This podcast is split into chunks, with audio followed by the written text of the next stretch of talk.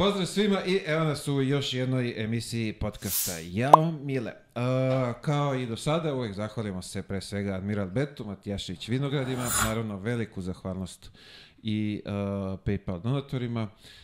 Kao što sam vas molio evo godinu dana, ovaj, molit ću vas opet, zapratite tamo Instagram stranicu, zapratite YouTube kanal, ima nas na ovim mrežama od TikToka, Twittera, Facebooka, ali naravno ako ne želite da gledate naše ove zanimljive glave, možete i da nas slušate na audio platformama, malte ne na svim smo platformama, tako da izvolite, potražite nas, ima nas svugde, zapratite, slušajte, imate nešto pametno da čujete, da ne kažem možete da se edukujete.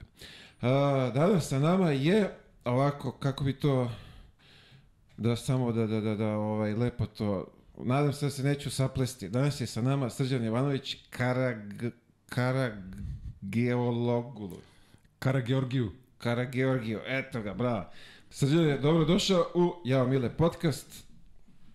Hvala na izvojenom vremenu. U Beogradu si sad trenutno uh, iskoristiš neku malu pauzu. Šta je, šta je u pitanju, što bi se reklo, u, u Iranu? Da. Hvala ti na, na pozivu i na lepom predstavljanju. Da, pauza je u Iranu, njihova nova godina, 21. marta su dočekali sada 1402. Ovaj, novu godinu, tako da a, je inače pauza u prvenstvu između regularnog dela sezone i play-offa i dali smo ekipi 5 dana pauze da iskoriste da budu sa porodicama a, za vreme nove godine, a eto ja sam onda iskoristio tu šansu da dođem i da obiđem Beograd i svoje i eto, ubrzo se vraćam tamo da nastavimo sa play-offom. Krećemo, krećemo sa play-offom, nastavljamo sa prvenstvom, krećemo sa četvrtfinalom. Uh, izborili smo uh, osam najboljih ekipa, znači ušli smo, to je bio primarni cilj ove sezone moje ekipe, tako da sada, što bi se reklo, malo rasterećenije idemo da probamo da napravimo iznenađenje. Neće nam biti ni malo lako jer idemo u četvrtfinalu na šampiona Irana poslednje dve godine ekipa Gorgana koja je ubedljivo... Pretpostavljam tamo onaj Hadadi je verovatno u toj ekipi. Hadadi nije, on godinama igra u Kini i ove godine je pokidao Ahilovu tetivu, Opa. A, tako da već je u godinama i mislim da je pitanje da li će se više i vraćati a, tom, a, da kažem, vrhunskom a, nivou košarke. A, on obično kad završi sa Kinom dođe na mesec dana, vrati se u Iran, odigra samo play-off, uzme titulu i ko više plati, tako da on svake godine manje više osvaja titulu tamo i koga uzme taj u velikoj prednosti. Pošto, da, da, ogroman je. Ogroman, ko, nije, ko ne zna, ogroman je čovjek u pitanju i pri tome zna košarku. Najpoznatiji, najbolji njihov košarkaš svih vremena koji je jedin imao priliku da igra u NBA ligi i, Bravo. i tako da definitivno da, on je najveća tamo zvezda ove iranske košarke i dalje. Uh, pa, ako sam ja dobro upućen, upućen uh, uh, da bi nastupao u Kini, oni imaju nekog pravo posle 12. mesta, ali tako mogu da uzmu i nekog iz Azije. Tako ja mislim je. i on koristi godinama to pravilo, tako da je, je uvek u tim ekipama koji su posle tog nekog mesta, gde može, on je faktički treći stranac u, u toj ekipi. Tako da? je, on je taj što je nekada bilo pravilo Bosmana recimo u Evropi, oni to imaju u Kini, onda on ovaj svake godine tamo je taj treći stranac u tim nekim ekipama koje su niže kotirane i mislim to je jako dobro plaćeno. On je jedan od redkih Iranaca koji po kvalitetu i može da, da, ovaj, da, da, da, da dobije posao. Tamo bilo je još jedno dvojica, trojica koji su, ali nisu se duže zadržavali, on je već godinama tamo. Pa mislim i, i da. tamo je dobra, ovaj, ajde kažemo, strategija, biznis strategija, ovaj, odeš tamo, odigraš, kad se god, za on je isto Kina to brzo završava, vratiš da. se u svoju zemlju, isto uzmeš titulu godinama, što ti kažeš, on je godinama ovaj šampion zemlje. Pa eto, on koristi to na najbolji mogući način, ovaj, opet košarka se i menja, e, život se menja, sve se u posljednjih nekoliko godina drastično, ta iranska liga je, recimo, ja imam, imao sam priliku da budem tamo i pre 15 godina, još dok sam kao igrač završavao karijeru, pa sam onda pre nekih 7-8 godina prvi put kao pomoćni trener otišao tamo, radio jednu sezonu, sad već 4 godine u kontinuitetu kao prvi trener moje, moje ekipe. Ovaj, tako da mogu onako i hronološki da, da uporedim kako su se stvari menjale i nekad je stvarno ta liga bila prejaka, dovodili su se a, za, pogotovo za play-off a, u Superligu i evroligaški igrači i NBA igrači i te njihove najpoznatije ekipe kao što su, ne znam, Mahram, Gorgan, a, Naftabadan, a, Zobahan, one stvarno, znači na kraju sezone se pojačaju nenormalno i to bude zaista onako kvalitetna liga, međutim, evo, poslednjih nekoliko godina se to dosta onako, ne mogu da kažem srozalo, nije lep izraz, ali osiromašilo, što bi se reklo, nema tih uh, velikih ugovora kao što je bilo ranije, da li zbog ekonomske krize, da li jednostavno što neće da ulažu toliko više u, u košarku, i nekako sve se svodi ko ima bolje domaće igrače, odnosno mm -hmm. veći broj reprezentativaca u ekipi, da taj pretenduje na osvajanje prvenstva.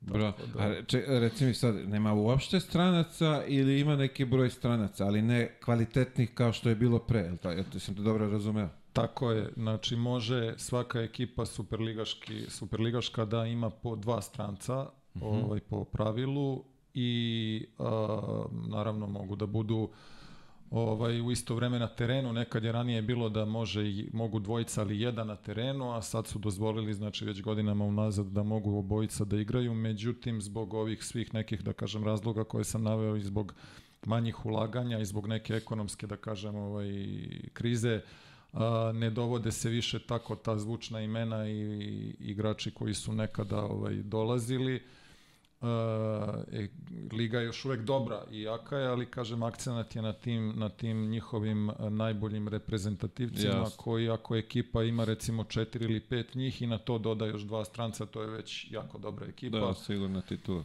Tako je. Ovaj, mi smo jedna mlada ekipa koja postoji tek pet godina u, pričamo o Superligi, znači o najjačoj njihovoj ligi, pre toga su bile neke, neke niže lige. Uh, od tih pet godina ja sam četiri godine kao, kao prvi trener, ekipa se nalazi u Mašadu, Mašad je...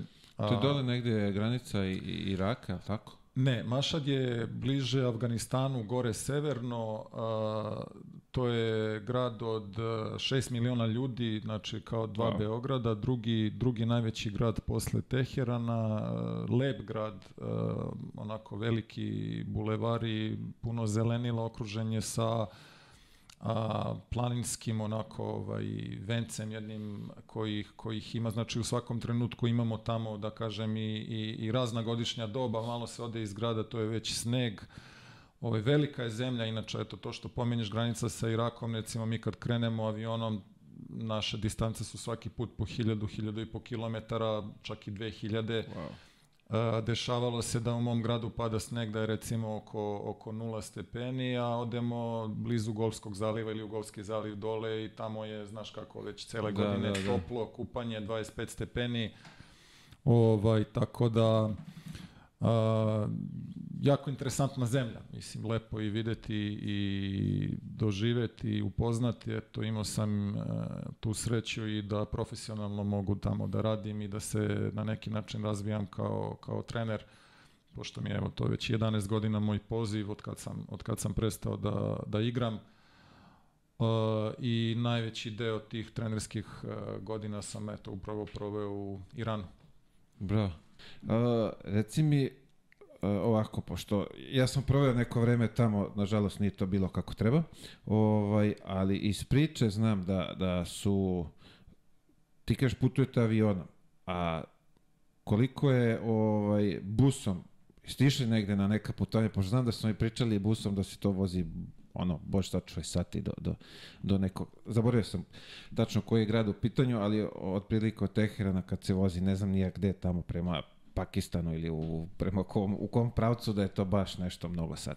Pa dešavalo se. Ne mogu da kažem da nije. Znači, išli smo i mi autobusom, ne s ovom ekipom koju sam sada, ali ranije godina kad se desi da nema tih uh, avionskih konekcija ili da jednostavno nema leta tog dana ili da moraš da čekaš dan, dva kasnije, onda krenemo autobusom i to su duga putovanja, dugačka, znači to je bez 10 do 15 sati puta, ali to nije autoput pa ti legneš i nego to je malo onako truckanje, ima dosta krivina, stani, kreni, Ovaj, ali dobro, to je sve tako kako je, ogromna je zemlja i uh, svaka njima čast, jednostavno oni se izuzetno dobro i, i snalaze i organizuju tu ligu i na kraju krajeva uh, iranska košarka je u azijskom svetu priznata, oni svake godine izbore, odnosno svako veliko prvenstvo, ako pričamo o svetskom prvenstvu, olimpijadama i tako dalje, oni su tu, oni uz najveće azijske sile kao što su, ne znam, Kina, Japan, Liban i evo ovaj, Uh, oni su u grupi inače sada i sa Australijom i Novim Zelandom u tim prekvalifikacijama, odnosno kvalifikacijama za velika takmičenja, ali evo i ove godine su oni znači uspešno se plasirali na svetsko prvenstvo i učestvovaće. Ja mislim da su oni matene uh, stalni učesnici tih uh, lupom svetskih prvenstva, ne znam da olimpijadu da li su išli, ali ono kog se ja sećam, oni su konstantno na tim uh, da. velikim da. takmičenjima. Na tri olimpijade su išli, ovu poslednju su bili, znači kad mi nismo, oni su učestvovali i evo poslednjih, poslednje svetsko prvenstvo takođe, znači ovo sad sledeće isto, tako da prisutni su, ne može da se kaže da, da, da, da. da, da im je košarka loša, iako naravno kao u mnogim zemljama futbal je neprikosnoven, oni, Jasno, su, da. oni su jako poznati isto i po borilačkim sportovima, Ovaj, odbojka je jako dobra i praćena i dobro plaćena, ovaj, ali eto i košarka se na neki način igra igra kvalitetno. Pošto sam ja dole kad sam bio u, u, u tom arapskom svetu, ovaj, znam da su za Irance pričali kao Persija, pa oni su veliki i ogromni i onda su kao to im je jedina, ajde ne jedina, nego su prednosti zbog toga što su uh, daleko snažniji i jači i veći od svih ovih ostalih Arapa koji su u tom njihovom ovaj, okruženju. Okruženju, da. Tako je, da.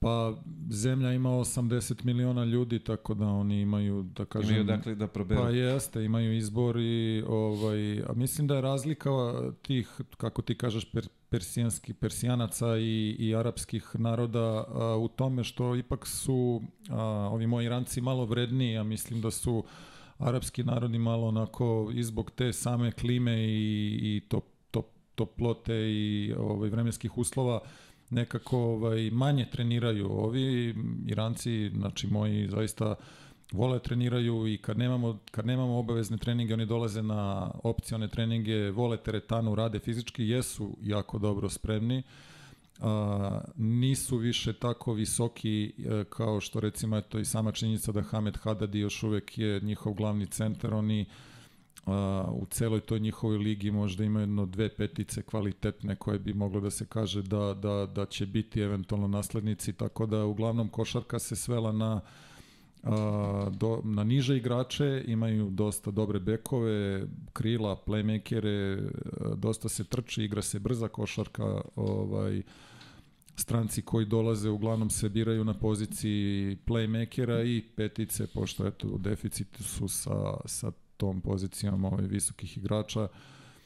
Tako da ovaj, zatvoren jedan krug, prvenstvo jedno koje, eto to pre 15 godina kad sam tamo otišao prvi put i sada, znači otprilike isti su treneri, vrte se, menjaju klubove, igrači koji su tada bili u početku sad su na zalasku, ali uglavnom dosta tih istih igrača ovaj, malo se onako izbacuje, reprodukuje novih, um, to je nešto što pokušavamo sad sa mojom ekipom, nekako mi svake godine dajemo šansu malo i mlađim igračima, izbacimo po, po jednog ili dvojicu reprezentativaca, bar za taj neki širi spisak.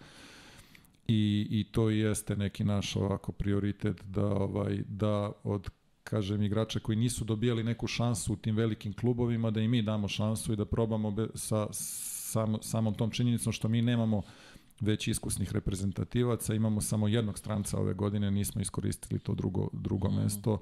A čekate za play-off ne, tog drugog? Ne ili... čekamo, nažalost, ja sam ga čekao, ali nisam ga dočekao. Ovaj, upravo je odlučila da neće da ovaj, ulože više pare do kraja sezone, zadovoljni su sa mhm, mhm, ostvarenim mhm. rezultatom, uh, ostvarili smo ulazak u top 8, što je bilo zacrtano i prošle i svake godine, tako da ovaj, pričali smo u više navrata da bi nas ta jedan stranac znatno pojačao, se obzirom da znaš i sam kako je biti stranac u tim zemljama, očekuje da, se da. od tebe da imaš 20-10 na svakoj utakmici, a mi smo ove godine dosta utakmica što zbog neiskustva, što zbog recimo deficita tih visokih izgubili po 2-3 razlike, na jednu, dve lopte, tako da bi taj jedan stranac sigurno sa svojih 20-10 dosta nama pomogao i verovatno bi čak i u tom play-offu možda mogli da napravimo neko iznenađenje ili neki značajni rezultat. Međutim, eto, uprava je zadovoljna. Dogovorili smo se sad kad se vratim da sa raspoloživim timom i, i snagom kojim imamo da probamo da napadnemo šampiona Gorgana, igra se po sistemu... A, Idete na njih direktno? Na njih direktno, pa to je četvrtinale osam najboljih, mi smo aha, sa osme aha. pozicije, krećemo na prvog, ukrštamo se ono 1, 8, 2, 7 i već kako da, ide. Da, da, da. Tako da ćemo ovaj, dve prve utakmice igrati kod njih, igra se na tri dobijene, ako bude a, znači dve kod nas, ima istorica opet kod njih 2, 2, 1. Jasno, da. Tako da eto, to je, to je otprilike plan. Sad 6. aprila kreće i dokle doguramo. Jasno. Reci mi, sistem takmičenja u, u, u Iranu, to je ovaj aj kažemo evropski sistem, liga kao liga ili onaj arapski sistem u kojem sam ja bio da se ne zna ni kad počinje ni kad se završava, oni sami određuju kad će kup da se igra i kako funkcioniše u, u Iranu? Nema kupova, nema tih turnirskih sistema, ima liga koja je kao recimo naša ABA liga nazovi, znači 14 timova, sa zavisnosti svake godine oni promene broj ekipa, nema onog klasičnog ispadanja i ulaska, ima na neki način, ali desi se da recimo oni kažu bit će ove godine 14 ekipa, onda dve nedelje pre početka lige tri ekipe odustanu zbog nekih svojih razloga, onda oni smanje ligu i tako dalje. Uglavnom, jedna liga igra se svako sa svakim, jedna kod kuće, jedna u gostima, kalendar klasičan, uh -huh. posle toga na kraju osam najboljih ekipa ide u play-off i igra se znači od četvrtfinala do, do, do šampiona.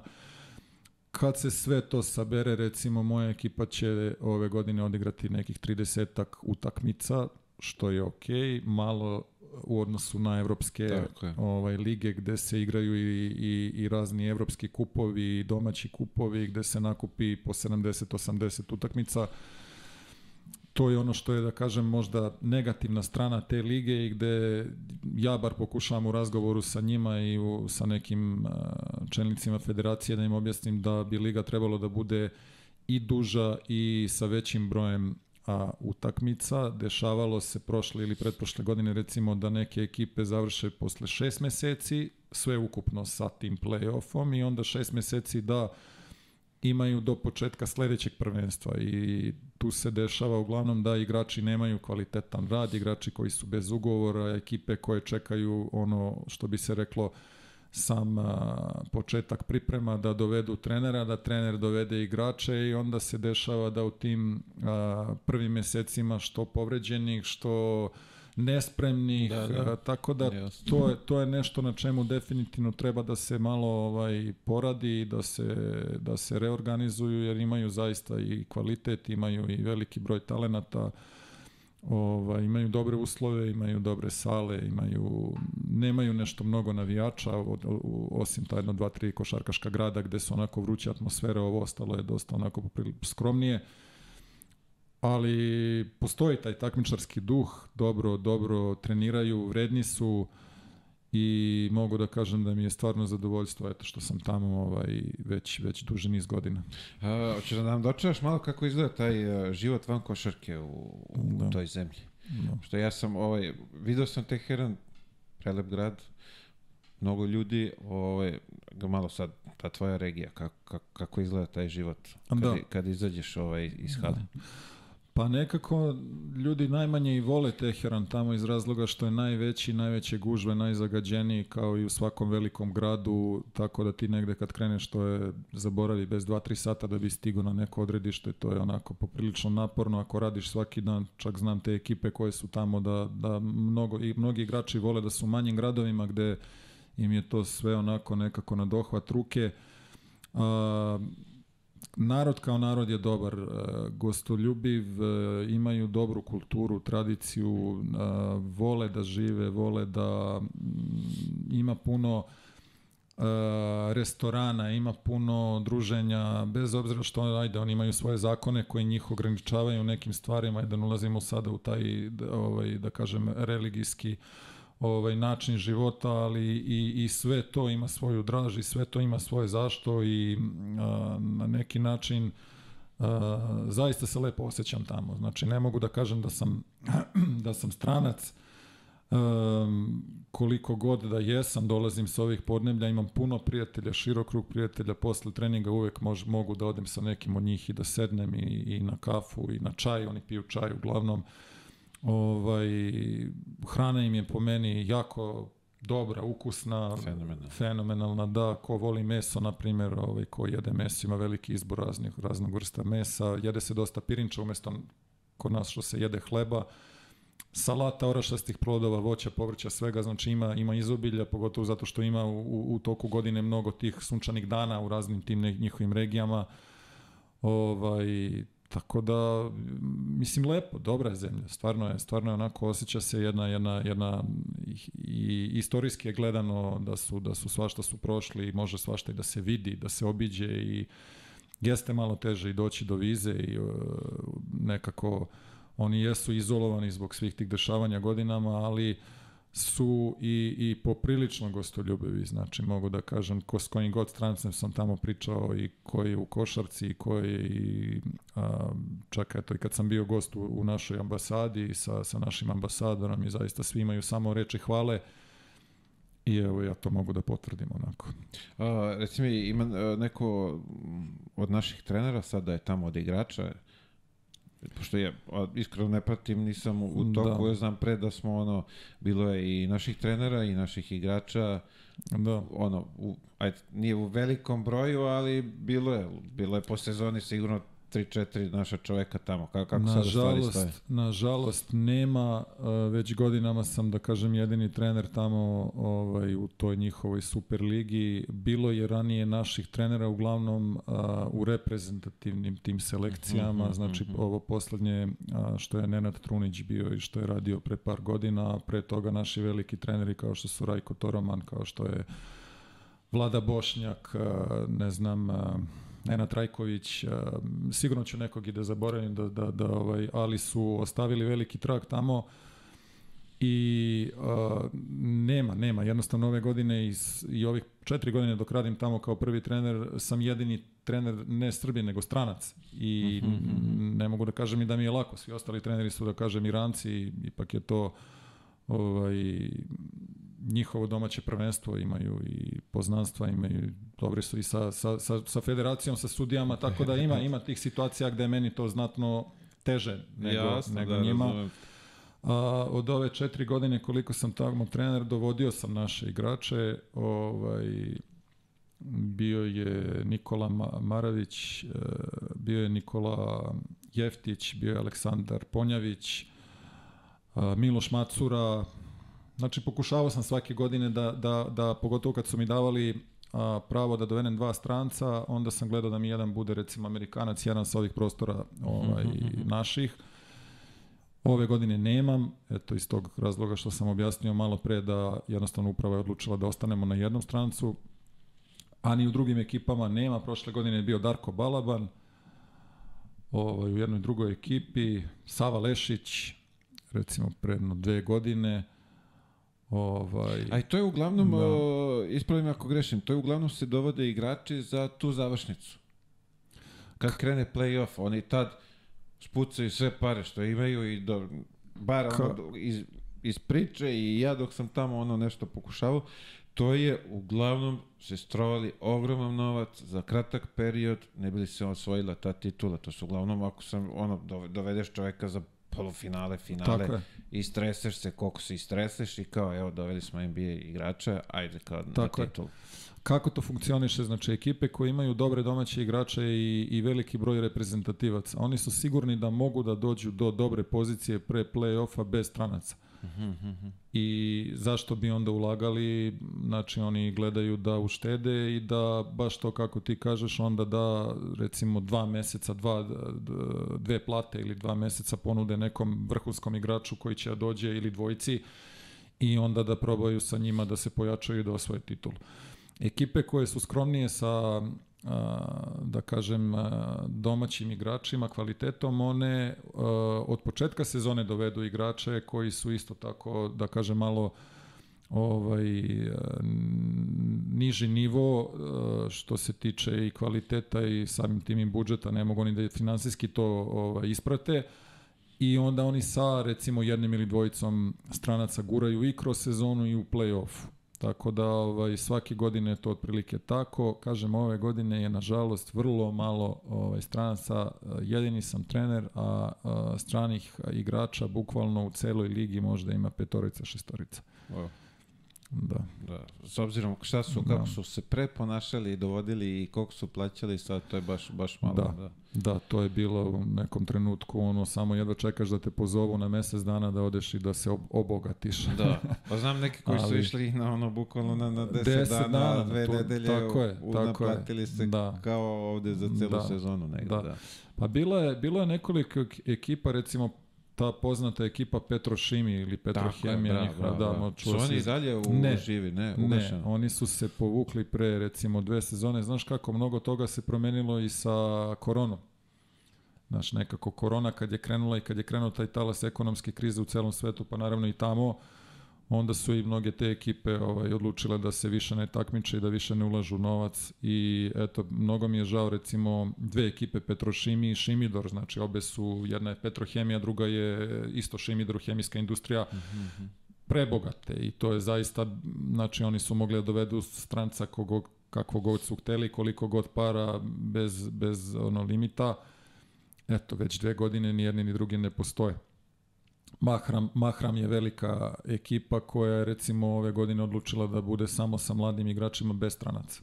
Znači, ovaj, tako da eto, dešava se od, iz godine u godinu da prioriteti se menjaju, situacije se menjaju, okolnosti i a, ove godine vidjet ćemo, Gorgan jeste taj najveći favorit. Oni igraju i ono takmičenje West, West Asia, znači to je takmičenje u kome se najbolje azijske ekipe iz raznih zemalja ovaj, pa nekada je tu i Luka Pavičić recimo A sa... to je ovo kao njihova neka Liga šampiona, Tako kako bi se to nazvali. Tako je, tako okej, je, okej. tako je da dve ekipe iz Irana učestvuju, Gorgan i Zobahan. Ušli su sad u ovu završnu fazu i ove, vidjet ćemo kakav će rezultat tamo da postignu.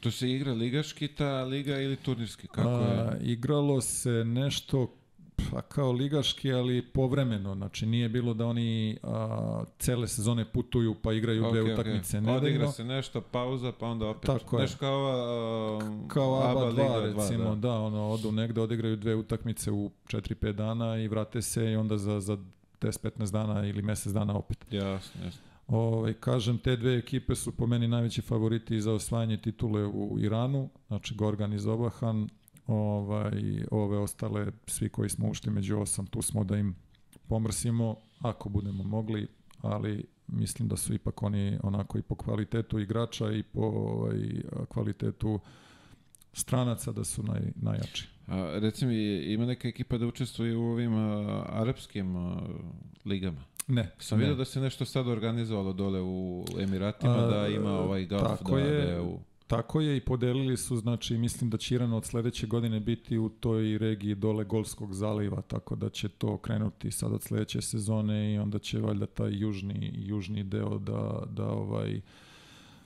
gde je Golski zaliv, znači da će i ekipe iz Irana učestvovati sad. Koje, koje su to još zemlje, da ne znam, Saudijska Arabija ili već ko će tu?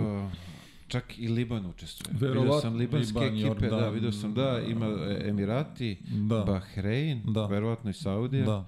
i možda šta ima tamo još Oman, Da, Jemen. da. ako- Da, da, to će Da. krenuti od sledeće sezone, ove još uvek nije, znači samo ovo Vest, Vest uh, zapadna azijska ta liga koje, u kojoj su učestvuju ove dve naše ekipe i to je evo baš sad dok smo ovde ovaj, na pauzi, oni sad imaju utakmice ovaj, u tom takmičenju, Mhm, mhm, tako da oni kad to završe, ovaj, mi nastavljamo sa, odnosno krećemo sa play-off.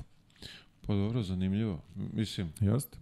onako Jeste. ima ovaj, a, ako se ne varam, te a, iranske ekipe čak i osvajaju ta azijska, ta, aj kažemo vest, kako si već rekao, Da, West za, Azija. da, West Asia, da. Pa Naft Abadan je pre recimo 3 ili 4 godine bio u polufinalu ili u finalu protiv Toyote Luke Pavičevića, tako da su Aha, došli aha, matene aha. do samog kraja, a čak u tom nekom... Zar nisu oni sa Hadadim osvajali? Jesu, et, znači mislim da je godinu dana pre toga su osvojili, a te sezone sa Lukom, kad su bili Luka je osvojio, oni su u polufinalu, šta oni urade? Oni taj Naft Abadan recimo samo za to takmičenje, za taj ovaj, turnir dovedu Hadadija i još tri reprezentativca i odigraju, mislim, dobro, mogu, mogu, tako to funkcioniše. Tako to vidi dole Da. i u, u dole, Da. ovaj, kažemo, južnom arapskom svetu i isto taj princip, to se dovodi kao i, a to je to, isto je, Da.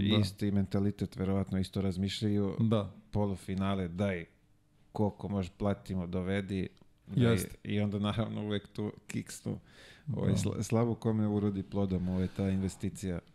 Pa znaš kako, i mi koji dolazimo s ovih ovaj, područja ovde i koji smo prošli neke, da kažemo, ovaj, škole košarke i bez sistematičnog rada i rada na duže staze i plana i programa i svega, teško je praviti rezultate, ovaj, vrhunske rezultate. E, sad može na nekom određenom nivou nižem gde eto tako neki turnirski sistem pa ti u dve nedelje nešto uradiš ali ovaj mislim da bez dobrog kvalitetnog rada i planiranja i, i temeljnog i onog, onako nekog da kažem sistematskog uvođenja igrača i, i dovođenja i davanja šanse i mladima i mislim da nema nikakvih ovaj govora o nekom o nekom vrhunskom rezultatu. Jasno sve. A, Da. Reci mi, tvoje mišljenje sad, pošto si već duže godina tamo, ovaj, koliko su naši treneri koji su pre bili tamo i selektori nacionalnih ovaj, nacionalnih timova i timova u, u ligu i ostavili ovaj, ajde kažemo, koliko smo ih mi obučili, da se, da se tu ovaj, o,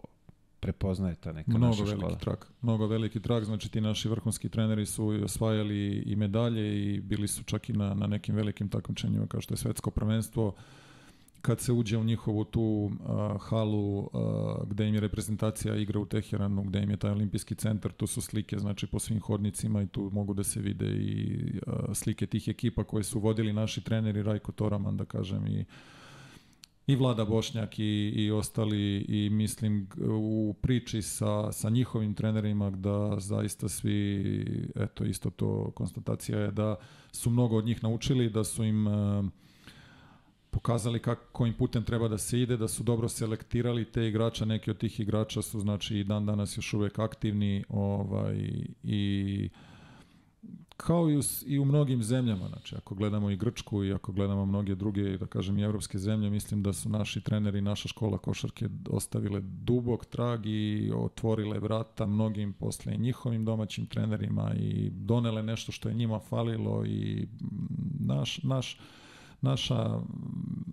metodologija, da kažem, i, i treninga i metodika i sve je ipak, ipak onako dosta je to na jednom visokom nivou u odnosu na, na, na mnoge zemlje i, i onda eto, Mislim, pogotovo Da. za taj region tamo. Ovaj, jest, jest.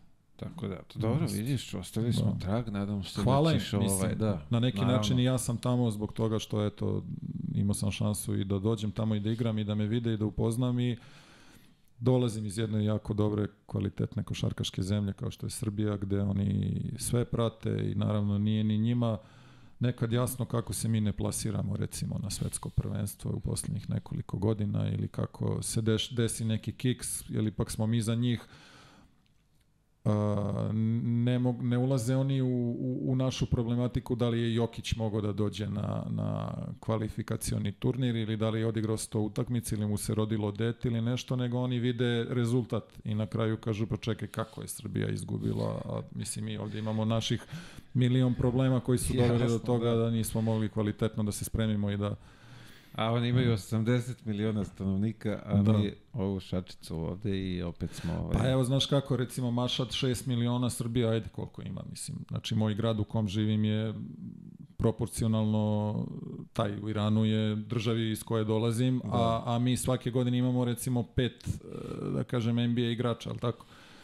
Znači, zamisli sada da iz, iz, iz ovaj, tog grada tamo da, da mogu svake godine da daju pet igrača, da ne kažem iz cele zemlje. Mislim, to je njima nezamislivo, ali je zaista tako. Znači, mi smo za njih onako poprilično atraktivniji kao jedna zemlja koja uz Ameriku, Litvaniju, ne znam, te sve velike e, košarkaške sile smo naj onako značajniji, tako da nije nije ovaj slučajno što i ranijih godina i e, što su dolazili veliki broj igrača sa ovih prostora.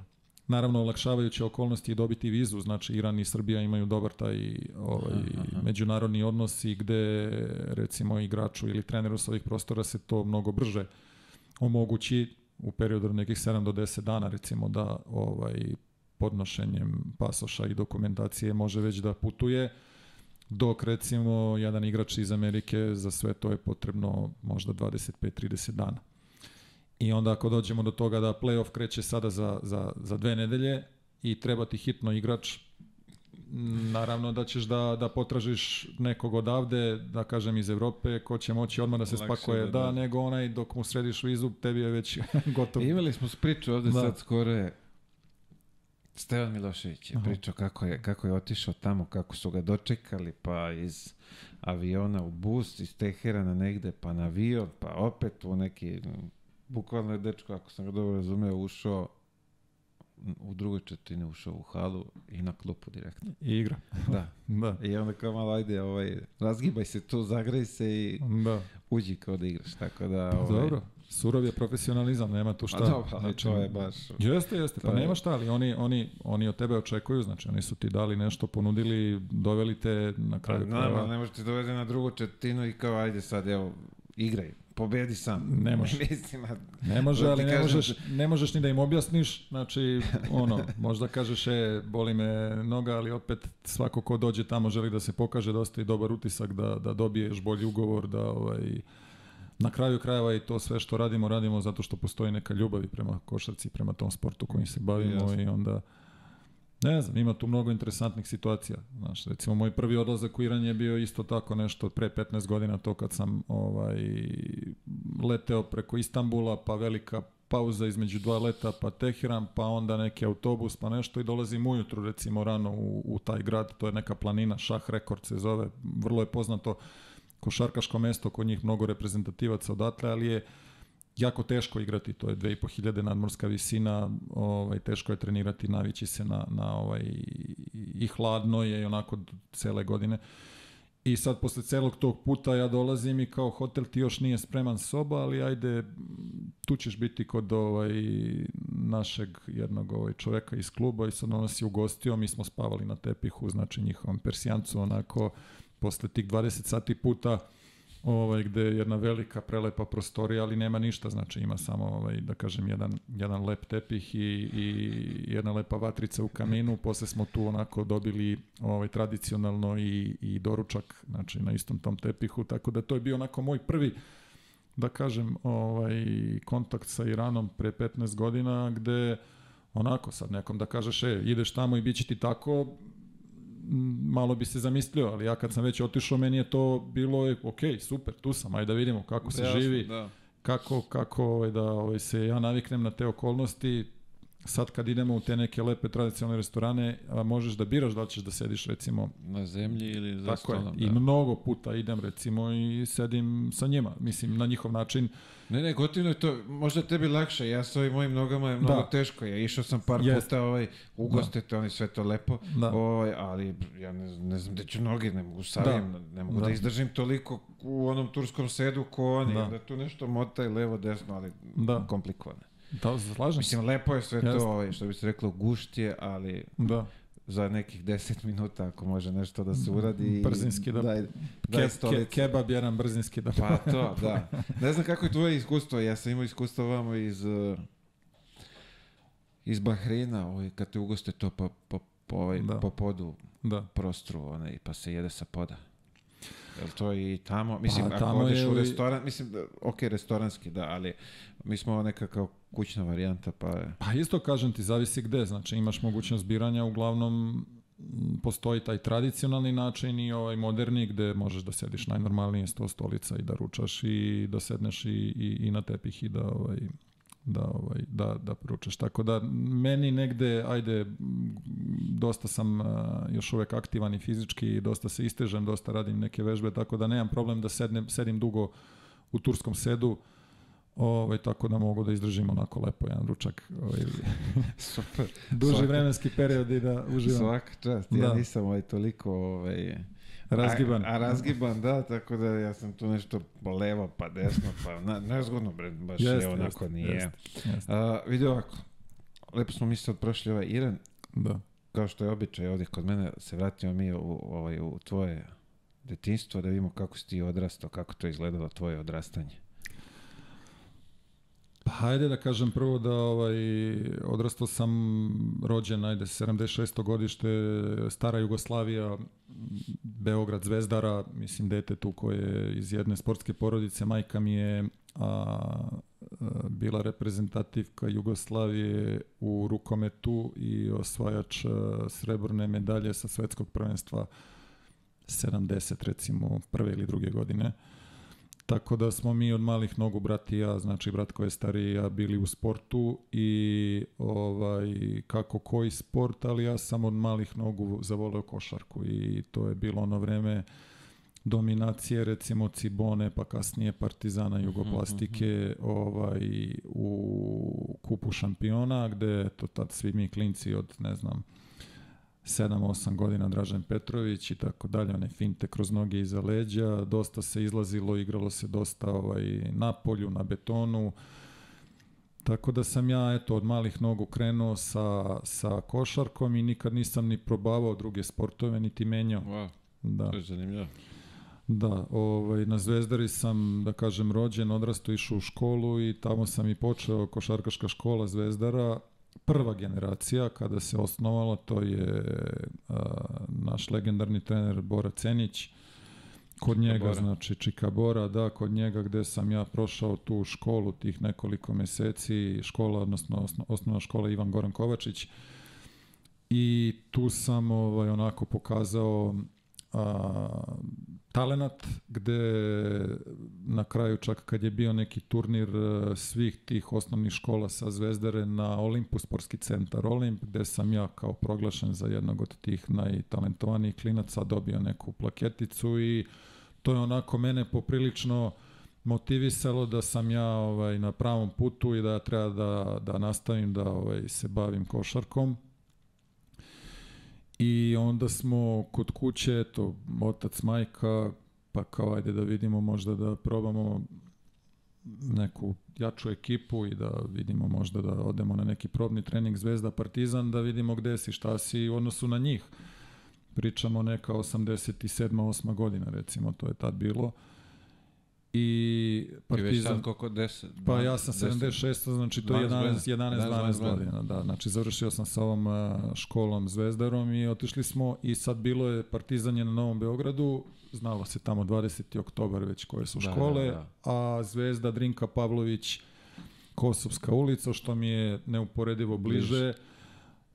Na stranu što smo i svi zvezdaši, mislim, naravno i to nas je vodilo u porodici, tako da smo mi, bukvalno otac me odveo na, na trening zvezde, pokucao na, na vrata i rekao moj, može moj sin da proba. Posle tog prvog treninga su mi rekli sutra e, krštenica. Dve i- slike i pa krštenica. to, pa to, da, može. Znaš, tako da sam tu ostao, imao sam sreću da sam uleteo kod e, jako dobrog ambicioznog trenera, pogotovo tad i njegov početak sa nama, pionirima Zvezde, ta generacija 76.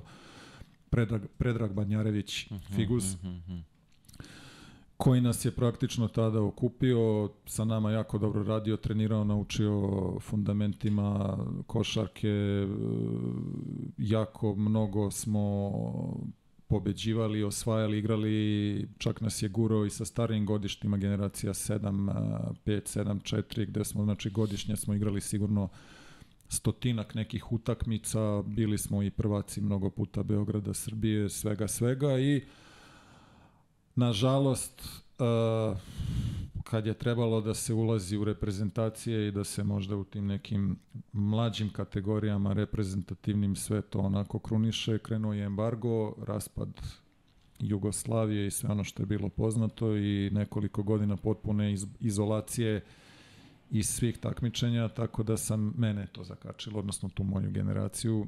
Imali smo neka okupljanja, a, nezvanična, na, recimo sećam se na Borskom jezeru gde je bilo jako dobra ekipa već tada i Predrag Stojaković recimo priključen, Raša Nestero, Nesterović, Aleksandar Glintić, uh, Zeka Milesavljević, uh, Da, da, da, mnogo, jasno. mno- mnogo dobrih igrača i to je trebalo da bude neka reprezentacija tada recimo koja bi na nekim eto tim nekim internacionalnim takmičenjima nažalost nikad priliku dobila nije.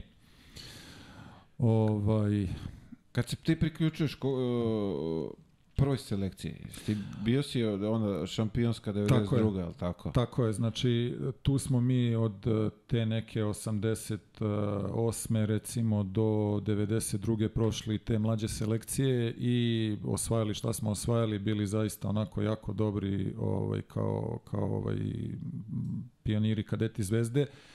Lale Lučić je te sezone bio trener prvog tima. Pričalo se o tome da postoji ta generacija naša koja, koja je dobra i Živi, ko je bio sve u toj generaciji kad, kad kažeš da je bila dobra? Ko Bila je dobra, znači bio je, ajde, moj venčani kum Milan Reljić, e, kasnije je igrao i po Italiji kvalitetno, Milan Ćurčić, e, dobro, Predrag Stojaković kao najveće ime, ovaj, Petar Petrović koji je kasnije igrao u FMP-u, Mhm, mhm. Nikola Stratijević koji je napravio Da. veliku karijeru, a, Zoran Popović koji je napravio isto, mislim, zaista je bila Da, da, da. dobra generacija koje i mnogo smo trenirali i individualno i a, na Zvezdinom stadionu smo radili sa pokojnim a, šra, Šrakom, znači Mikom smo, da, Mikom smo radili čak u to vreme kao jako mladi bez velikog opterećenja, ali smo radili vežbe koje su nas znači i fizički onako oblikovale i davale nam neku eksplozivnost, skočnost i mislim zaista eto e, Predrag je Predrag Badnjarević je zaista sa nama radio vrhunski posao u tim sezonama, iznedrio je veliki broj kvalitetnih igrača, doveo nas do prvog tima i desilo se to da je Lale Lučić znači, došao na jednu našu utakmicu, pogledao utakmicu, mi smo bili kadeti i onda je rekao posle utakmice ova dva klinca za mene i za Peđu Stojakovića sutra na trening prvog tima. Tako da Iz praktično... kadetske selekcije. Iz kadetske selekcije, 92. godina, početak sezone, ovaj, mi se priključujemo prvoj ekipi i nikada nismo ni igrali za juniore, praktično smo iz kadeta otišli tamo i sad već to onda tako kreće neki profesionalni život, da kažem, ja 16 godina, Peđa 15, uh, odmah ulazimo među 12, znači u ekipi koja je te godine 92-93 osvojila titulu posle 21 godine čekanja. Ona dobra ekipa Saša Obradović, Neša Ilić, Aleksandar Trifunović, Zoran Jovanović, plus ovi mlađi tada Tomašević, Vidačić i tako dalje, da nekog ne zaboravim.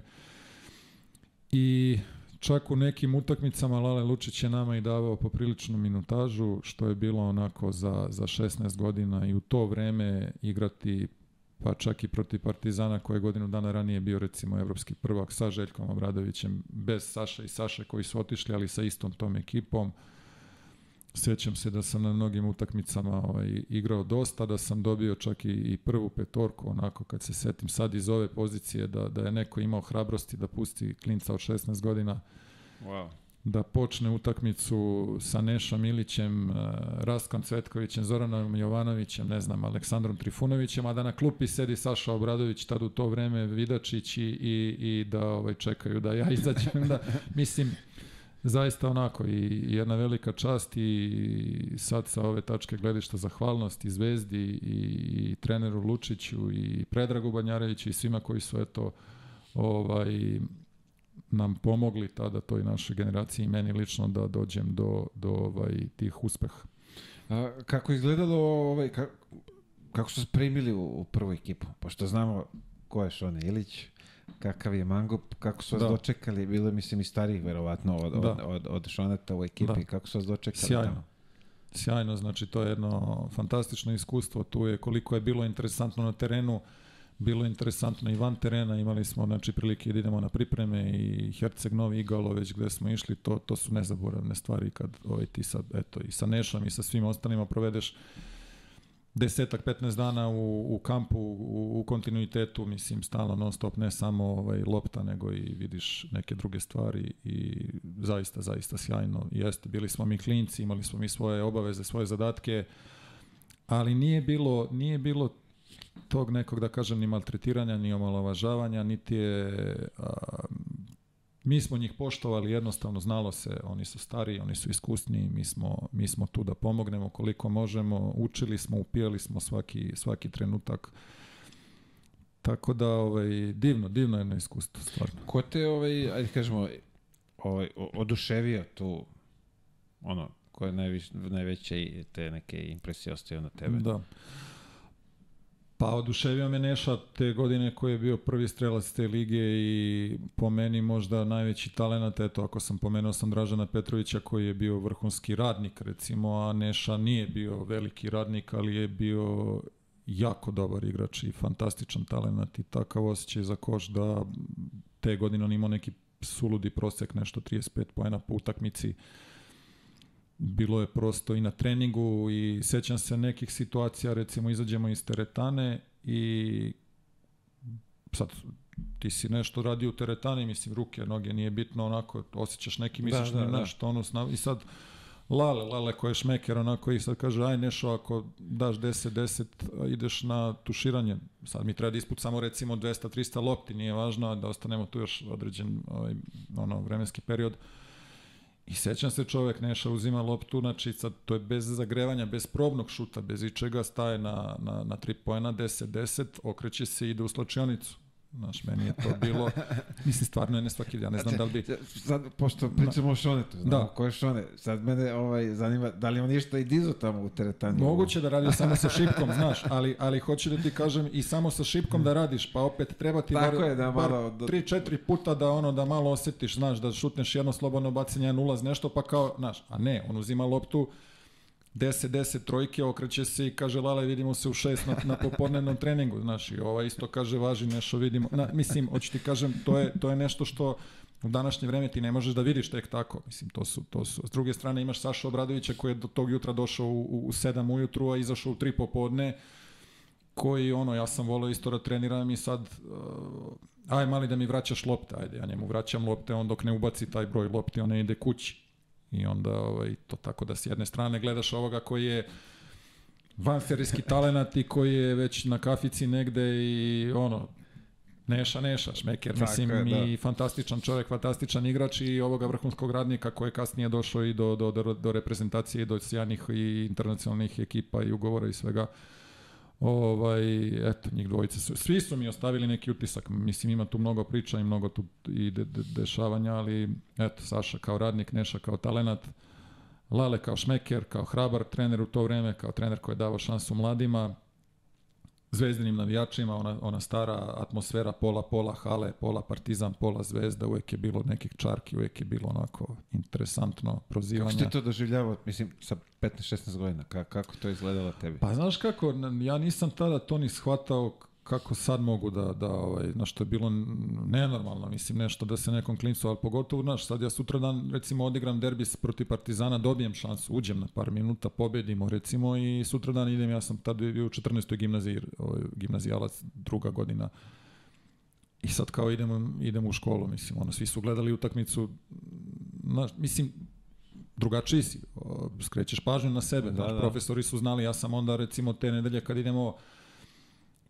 pre podne u školu, cele nedelje ne mogu da stignem u školu uopšte, ili imamo jutarnji trening, pa idem još sa, sa kadetima, pa idem još uveče sa prvim timom, pa igramo, mislim, ono, ovaj, tako da, popodne kad idem treniram do škole, onda sam u školi, onda uveče nastavljam da treniram, tako da imao sam nešto. U nekom trenutku su, bio sam jako dobar đak, bio sam dobar i možda u matematici sam bio jedan od najboljih ovaj, u, u razredu i u nekom trenutku sam počeo da već da, da ovaj, dobijam i loše ocene i nisam mogao da pratim jedno i drugo. I onda su profesori zvali roditelje na razgovor i šta ćemo? Ovaj, mora da se vidi nešto, da se ne može tako da se ispušta dete. Onda sam ja rešio da pređem na vanredno i treću i četvrtu godinu sam završio vanredno gde sam se onda potpuno posvetio samo košarci, a davao sam ispite ovaj, ono već kad su bili rokovi, tako da sam srednju školu završio vanredno. Jasno, ali sad imamo situaciju da deca već od da čak i u osnovnoj školi, ne znam da. sad da, da ne da. lupam, ali da, da, da propuštaju nastavu, da, da se posvećuju ovaj, mnogo, da. mnogo ranije i Da. da se tu gubi ta neka edukacija. Pa nažalost nije nam dobar taj sistem organizovan i mislim da bi trebalo poraditi malo naučiti od nekih drugih zemalja kako deci dati šansu da, da kvalitetno rade jedno i drugo. Znači, da, da li su to ti sportski koleđi, da li su to, kao što imaš u Americi, te univerzitete i stipendije i šta god, ali mislim da je greota da eto i na kraju krajeva ja koji sam bio jako dobar matematičar i koji sam kasnije u životu naučio i nekoliko sticajem okolnosti u zemljama gde sam živio i radio nekoliko stranih jezika, a da nisam recimo ovaj, završio još, još, još dva fakulteta ili već nešto, mislim što je bilo izvodljivo, samo da je bilo Da. malo drugačije organizovano u to vreme. Međutim, opet pričamo o nekim jako teškim vremenima, čudnim vremenima, koja nadam se da se nikada neće ponoviti, raspadom te, te stare Jugoslavije, onda posle tih svih dešavanja i u politici i ratnih strahota i svega. Tako da, eto, gurali smo, radili smo najbolje što smo mogli u tom trenutku, koristili pokušavali da ovaj da stvorimo nešto neki su uspeli neki nisu nažalost ali ovaj Jasno. Uh, reci mi samo, uh, Mileta Lisica bio te sezone Jeste. sa vama. jeste Imao sam priliku da, da upoznam čoveka, jedan, da bio je jedan izuzetan Jeste. gospodin. Jel možeš nešto o, o, o njemu ovaj, da, da nam kažeš ta tvoja neka iskustva provedena da u tom provedenom vremenu sa njim? Nažalost, Mileta je te godine ovaj, povredio se negde na početku sezone i on je gotovo ceo regularni deo sezone propustio i bio je dosta na, na rehabilitaciji, bio je, što je, uh, beše upao u neku šahtu, je li to? slomio je nešto. Sad, ne mogu tačno da se setim koji deo Mislim da noge... se je tad ti- tih 92. sklop. i upoznao njega, da bio je na štakama. Mislim, bio je na nešto. štakama i mi smo tu sezonu znači počeli bez njega i on se priključio bukvalno na početku play-offa. Tako da je on sa nama trenirao vrlo malo, odnosno više je jačao nogu, radio je rehabilitaciju, išao je po, po raznim ovaj centrima i a ovako eto divan čovjek je bio nažalost nije više među nama i mnogo, mnogo nam je žao svima ali ostavio mi utisak kao jednog velikog čovjeka nama mladima je uvek bio tu da pomogne bili smo čak i cimeri u nekim situacijama gde on sam kaže ajde vas dvojica sa mnom Peđa i ja onda ono klasično glupiranje i Da, da, da. ovaj tako da et dobar je Lisica bio zaista ovaj ostavio je veliki trag Nažalost, Da. nažalost nije više među nama, ali da ovaj, ja ga se sećam kao izuzetnog čovjeka Izuzetan, i izuzetan. ono, što bi se reklo, duša od čovjeka. Jeste. I, i, i, I borac, znači ono veliko srce i na terenu i van terena i znaš kad neko vidi se da, da, da ne štedi se, ne, nema ono sve daje da, da se pobedi, podređenje kolektivu, nema ni malo ego, Da. Straš, strašan je čovjek bio. E, pazi ovako, ti sa koliko to, 16 godina postaješ prvak Jugoslavije.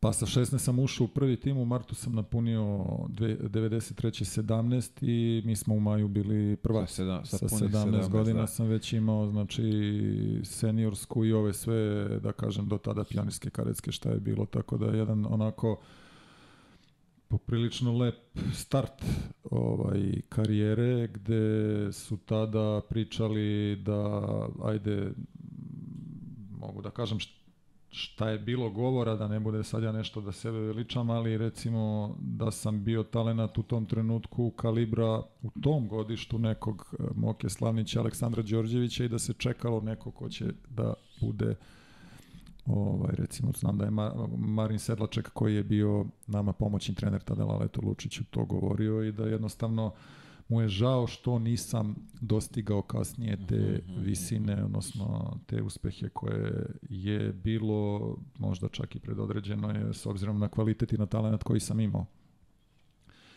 E sad možemo da pričamo i zašto se to nije desilo i šta se kasnije dešavalo, što verovatno si i, i, i, i pripremio neko ovaj pitanje kasnije. Ovaj, Pa šta pazi je- ovako, ti, da. ono što je, ti napuštaš te godine sa Peđom, ali tako, i zajedno idete u- Da. za Grčku. To je ono Da. kad su svi krenuli, ovaj, Da. Ka- kako se, me sad zanima, ka- kako se to izdešavalo? Šta, šta je, mislim, okej, izdešavalo. mnogi su i ostali tu. Da.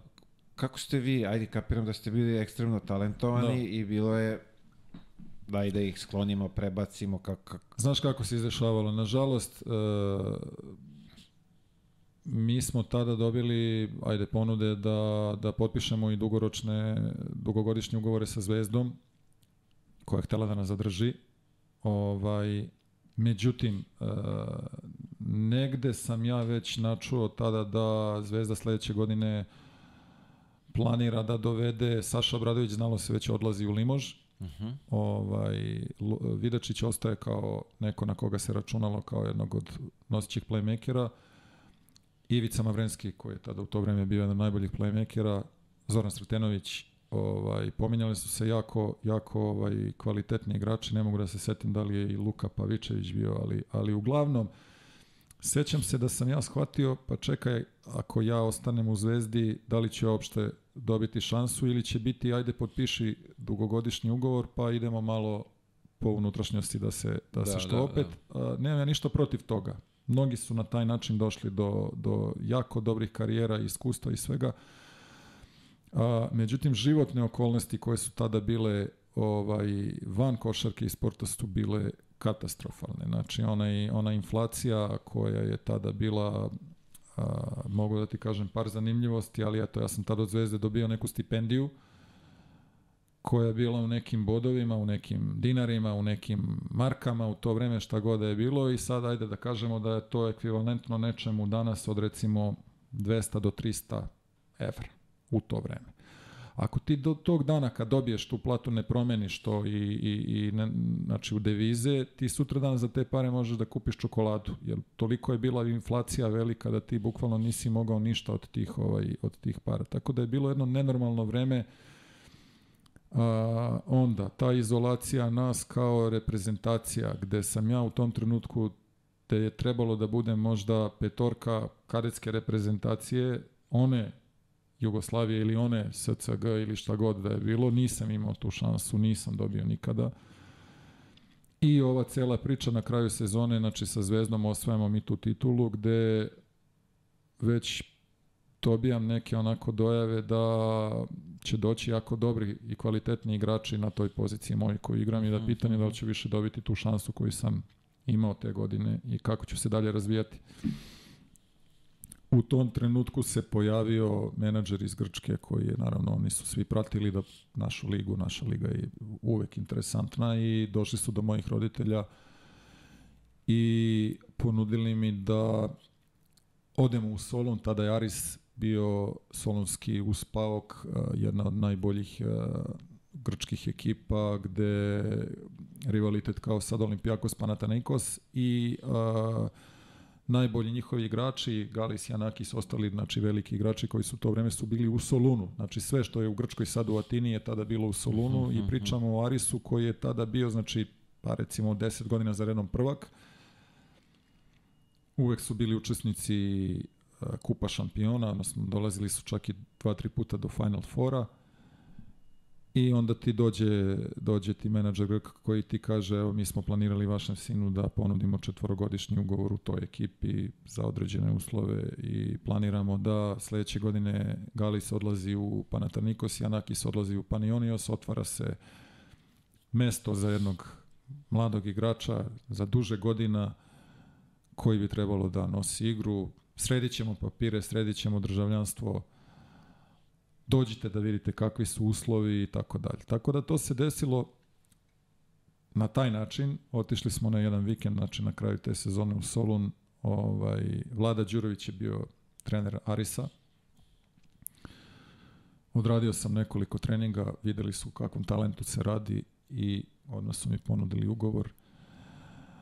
Zvezda je bila ljuta, ali Zvezda je u to vreme, zahvaljujući transferima koji su se desili od naj, na prvom mjestu Peđe Stojakovića, mene, ne znam, tih svih igrača, sad neću da ih imenujem, ali ovaj su izuzetno dobro zaradili, dobili velike obeštećenja i na neki način živeli možda kasnije godinu, dve, tri, ne znam koliko da, su već šta da, da. su radili od tih para, ali a, Mislim, nemam šta da krijem. 250.000 dolara je bio moj, moje obeštećenje. A u to vreme. U to vreme, gde je 10 dolara bilo veliko kao kuća. Znači, oni su praktično ovaj, dobili Aris jednog mladog igrača, Zvezda jedno dobro obeštećenje i ja sam eto te godine znači prešao ovaj preselio se u Grčku dobio dobre uslove života Da. A, samo da se nadovežem na ovo. Ja ako, ako, sam, ako, ako dobro sam informisan, aj tako da kažem.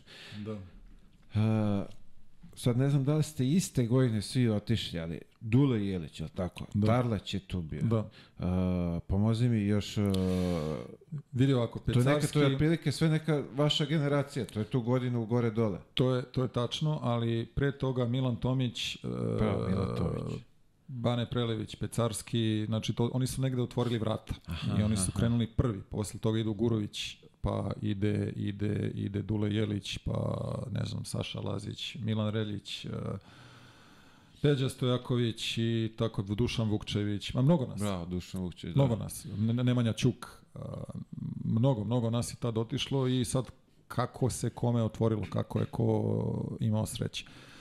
Dobro, ti nisi ko Gurke da su mu obećali jedan klub, odveli ga u drugi. Ne, nisam, ali šta se dešava? Uh, zbog velike količine tih naših uh, igrača koji su otišli i sve ista generacija, pričamo o generaciji 7-6, 7-5 koja je bila onako jako dobra, a u isto vreme grčka generacija 7-6 osvaja, pa sad da li evropsko ili svetsko, ali to su ti oni igrači Janulis, Regijas, mm, sad ne mogu da se setim, ali jako dobra generacija gde su oni videli da u stvari oni imaju jedan određen kvalitet, da oni, da oni nemaju potrebe za toliko mladih igrača sa strane, znači već su i oni na neki način počeli da izbacuju svoje, svoje domaće košarkaše i pobunila se ta njihova javnost zašto odjedan put tolika količina Srba naturalizovanih dolazi, dobija papire i kreće da igra kao domaći igrači.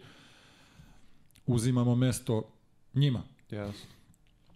I oni stopiraju naše licence i praktično, eto, 9, 9, 3, 9, 4, 9, 4, 9, 5, dve sezone mi ne dobijamo pravo igranja ni jedne utakmice. Wow. Da.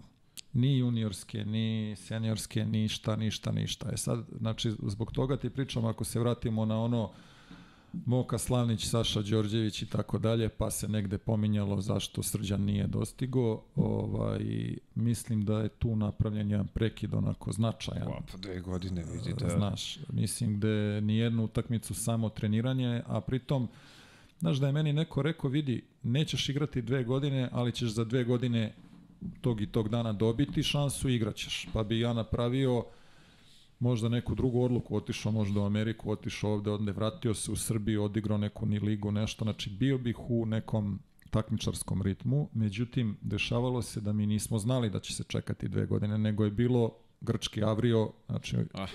sutra, Popularni Avrio, da. znaš, i onda ti dve godine čekaš avrio, znaš, i stalno je bilo ono, evo sutra, evo sutra, evo sutra, i raste nervoza, ti treniraš ko onako mazga, znači spreman sam bio ko nikad u životu, nažalost ta spremnost je bila trkačka i individualna, Da, da, da, da. a ne ona iskustvo igranja, pritom odlazimo u ligu koja je tada najjača u, u Evropi.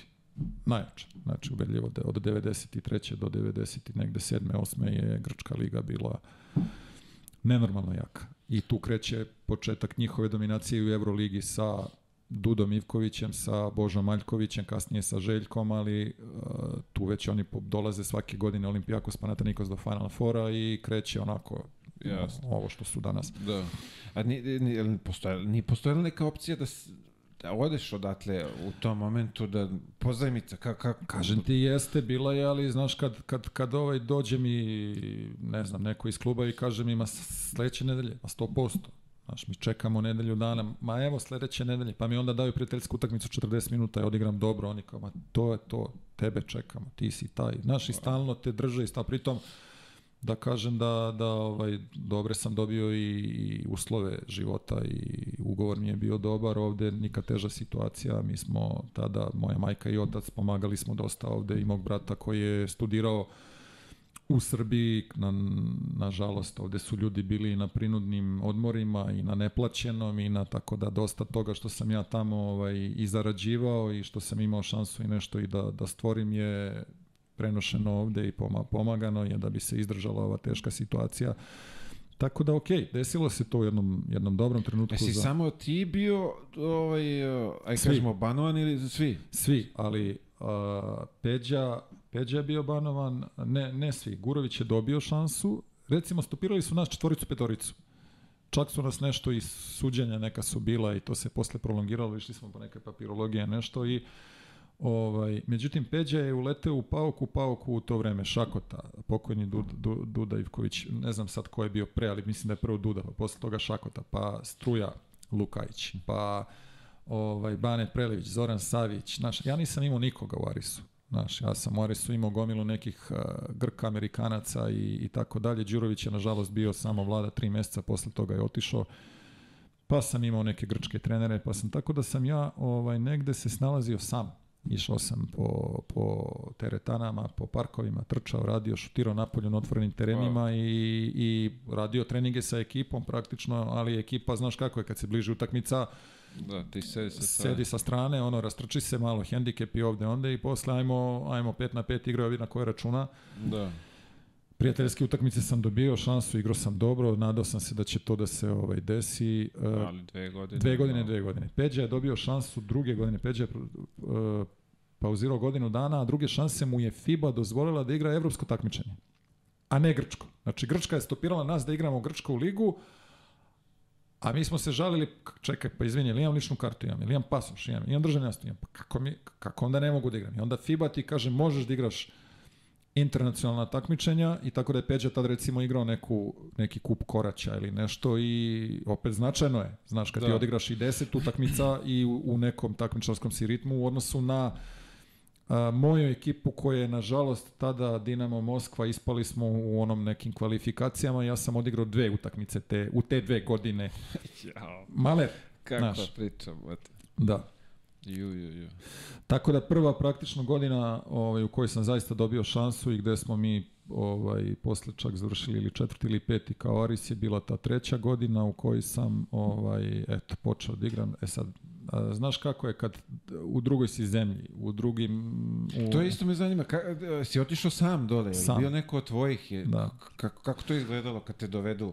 Ajde, okej, okay, Solun je Solun, ali Da, ti dolaziš iz Beograda, klinac i da. kak, mislim, kako se naviko dole, ono, Pa kakve si je- uslove dobio za, za život? Sjajne, sjajne. Bilo mi je teško da prelomim, mislim, ono kao idem, ali kad sam otišao tamo, već sutra dan je bilo, e, super, tu sam, dobio sam dobar, dobar apartman, uh, dobio sam, živjeli smo svi, ima jedno, jedno brdašce iznad Soluna koje se zove pano, Panorama, kao pogled, odnosno Panorama, oni kažu Panorama. I tu je bilo svi ovi Paukovci, Iraklis, uh, futbal, košarka, sve znači naši što su bili odavde ljudi su bili nek, na neki način smešteni u tom Mhm. delu gde sam se ja tada družio znači i sa Peđom i sa njegovom porodicom i Milan Reljić, Raša Nesterović je bio u nekom trenutku tamo, ali je nije odlučio da ostane, nego je otišao u Olimpiju, pa je posle krenuo ono Kinder Bolonja i šta je već. je, da, da. Ovaj, Ljubko Petrović, recimo njegov sin Srđan koji je tamo studirao, pa onda Vlada Đurović, njegova deca, pa ovaj Šakota, pa onda Zdravko Radulović, jedan naš veliki igrač koji je bio tada stare Jugoslavije, ovaj, je igrao, pa sam se s njim, tako da bilo je mnogo, mnogo naših ljudi, Zoran Savić, Bane Prelević, svi smo tu živjeli u komšiluku jednom. Tako da mi je to olakšavalo tu situaciju da ja van nekog onako ovaj, treninga imam s kim i da se vidim i da pričam i o vremenu sam ja naučio grčki. Ali sam se osjećao, znaš, opet ti si nekih 6-7 sati kolima od Beograda, mislim, nije to sad ne znam gde daleko, tako da ovaj, dolazili su moji, obilazili su me, pružali mi podršku, bili sa mnom, tako da, ovaj, eto, kad je to krenulo, krenuo sam i nema šta. Ostao sam, Jasno da, ali opet uh, neke te tranzicije znaju budu bolne, znaš, Znaju. opet to odlaziš, ali imao si, eto, imao si dobro tu komunicu naših ljudi Da. da, da, da, da ti je to ovaj, da, koliko toliko pomoglo da prođeš to lakše, ali opet na kraju dve godine bez utakmice, to je... To je strašno i to mi je prekinulo moju, da kažem, karijeru. Kasnije sam ja opet, ajde, vratio sam se ja u nekom trenutku, otišao sam posle toga u Italiju, odigrao kvalitetno 4-5 godina, ovaj, na osnovu tih krčkih papira na kraju krajeva, da nisam imao, verovatno ne bi ni, ni stigao do Italije tad u to vreme. Bravo, da, to je... Ali je bilo to pravilo Bosmana da sam ja kao domaći, kao Evropska unija mogao da dobijem pravo igranja kao domaći igrač i onda me posle te moje četvrte godine u, u Arisus me, me potpisala sadašnji Armani. Mislim, Tako je, da. Stefan, Stefanel, da. da. Mislim, pričat ćemo i oko toga, ali da završimo Grčku, ovaj, šta da ti kažem, e, bilo je teško, bilo je i lepih trenutaka u smislu Aris je tada bio zaista veliki klub i uvek je veliki klub, ali ti kad uđeš u Aris tada i kad se negde pojaviš, svi znaju da si ti deo tog tima i tu u to vreme sa takvom ekonomskom nekom ovaj, situacijom te bogate zemlje u tada Grčke i svega bilo je stvarno stvarno lepo. Mislim, Dobro, da, je lep za, za život. Lep grad i more i klima i sve to, ali hoću ti kažem i ta neka vrsta popularnosti i toga da ti uvek te čeka sto, uvek možeš da, ne, ne, neće da te, uvek te čašćava i uvek ovo, uvek ideš preko reda, uvek, mislim, zaista imaš nekih, ono, da kažem ovaj beneficija da, da, da, da, da, ovaj kao tako da znaš kao klinac kad odeš i kad vidiš sve to dolaziš iz jedne zemlje koja je tada u polu raspadu nažalost oni te izvedu na buzuki, znaš, ono već zatrpavanje cvećem, muzika ovde, onda sutra dan igraš protiv najboljih eh, evropskih svetskih igrača, treniraš, eh, mislim zaista, bilo je, bilo je lepo, ne mogu da kažem, primanja su bila dobra, ugovori su bili dobri, četvrte godine smo uh, Pixi Subotić, Slobodan Subotić je bio trener i osvojili smo kup koraća evropski, Aris, gde sam ja bio deo tima, nažalost nisam dobio šansu, to mi je bila izlazna godina četvrta ugovora gde su oni već ono rešili da nekim drugim igračima daju šansu. I Ovaj, ali mi ostaje da sam eto sa Zvezdom osvojio nacionalno prvenstvo, a sa Arisom jedno evropski, jedan evropski da, kup da, da, koji je koji u to vreme bio ekvivalentan sadašnjem Evrokupu. Evrokupu da. Tako je, da. I eto, to mi je ostalo onako jedno lepo sećanje. Na kraju te sezone ja pakujem kofere i... Reci mi ovo sad, pošto ovaj, znam da su o, svi su imali neke probleme sa vojskom, sa... Da. Si morao ti da služiš ovaj... Si morao bio... sam, ali, ali nisam. I imao sam problema. I desilo se sledeće da ovaj, pre jedno dve godine mi zvoni telefon i predstavi se neka gospođa i kao ovaj, zovemo iz vojnog odseka, pa ja kažem, ovaj, pa dobro, znate vi koliko imam godina sada, pošto ja sad u tom trenutku imam 44-45. Pa dobro, kaže to, ovaj, nije još zastarelo, ti si još vojni obveznik. da. I dalje, ovaj, ovaj, da. dalje proganjaju. Međutim, do 45. Tako da kad sam ušao u 45. Ovaj, to je su onda praktično više me nekači vojna, vojna obaveza i eto, prošao sam bez služenja vojske Ovaj, tako da sada sam ovaj, ok, nemam. E, Šakota da. ovde kad je bio, da. on je rekao da je išao je, kako mi je objasnio, išao je neku letnju, neku civilnu vojsku, nešto je, ali... Prespava jednu je... noć u, u, kasarni, podignu zastavu i posle toga ode na, mislim, to je, to je trebalo da bude tako i Peđa je tako služio i mnogi, nije tu bilo sad nešto kao dramatično, ali a, ranije je vojska njihova bila dve godine pa godinu i po dana u tom trenutku kad sam ja ovaj, tad u tim mladim godinama i to je bilo, zamisli sad dve godine nisam dobio licencu igranja, a sad još dve godine da idem u vojsku, znaš, pa mislim, taman onda... Ček, da, da, tako da smo to... mi da igramo, a zovete me u vojsku. Ne, nije, regularno sam ja to sve službenim putem odlagao upisivanjem fakulteta i sve to bilo regularno. Kasnije sam otišao da živim u inostranstvu, nisam više živio u Grčkoj, tako da sam ja po njihovim, prijavljivo sam se u njihove konzulate i ambasade širom Evrope gde sam igrao u drugim zemljama i sve je to bilo ok, ali kažem, uh, zastareo je slučaj sada sa, sa, sa napunjenom 45. i konačno sam slobodan od, od ovaj... A, ufa, zamisli kao program, aj kao da, da. da oslužiš vojsku. Da, da, pa da. To je, da, baš sam se iznenadio onako, rekao, bože, i to su me našli ovde u Beogradu, znaš, mislim, ok, ja sam ovde naš pasoš, naša dokumenta, sve nemam ja. Ovaj, dodirnih tačaka sa Grčkom više potom i ono kad su nama skinuli vize koliko već ima godina, mislim, putujemo normalno, ja ni ne obnavljam taj grčki pasoš negde, ga ni ne koristim više, nego ono, imam, imam državljanstvo, nacionalnost, ali ok, putujem sa srpskim i to je to. Mislim, Da. u Iranu sam O- Srbin. ovaj, oni su beše, svi su imali, to je više, ali opet ti verovatno nisi upao u to. Uh, Srbija, Grčka, kad su birali ko će ko... Bio sam u tom, bio sam u tom paketu i svi smo izabrali Srbiju.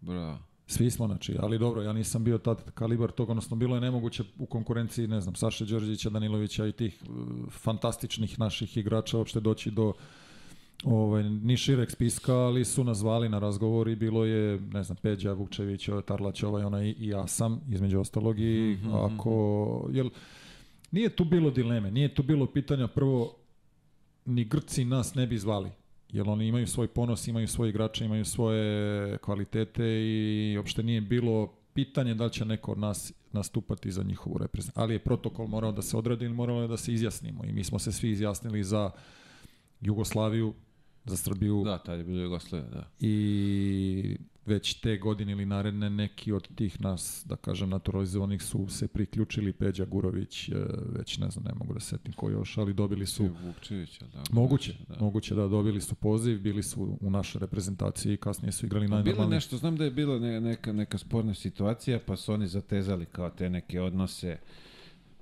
zašto idu Moguće. ovamo, ali da, da Moguće znam da je, nešto bilo, ali kažem ti, u realnosti nije to ništa bilo toliko jer nije dovođeno u pitanje. Mislim da, da je, evo- evo sad ću ti reći jedan podatak, recimo ja sam, kad sam prešao u Milano, ovaj, igrao sam sa Jorgosom Sigalasom, grčkim tada reprezentativcem koji je iz Olimpijakosa, kapitan Olimpijakosa prešao u Milano i u tom trenutku je kapitan i grčke reprezentacije A selekcije. On i ja, pošto ja tad kao Grk isto, Srbin Grk koji priča grčki, odmah smo se ukapirali, on je došao isto u Italiju, njemu je potrebno da ima i društvo i mi smo bili jako dobri ovaj, bliski drugari, cimeri na putovanjima i sećam se uključenje uživo na grčku televiziju studio, njega intervjuša, mi smo u sobi u karantinu u Milanu ili neka utakmica putovanje nešto i vodi se ta priča, debata o tome da li će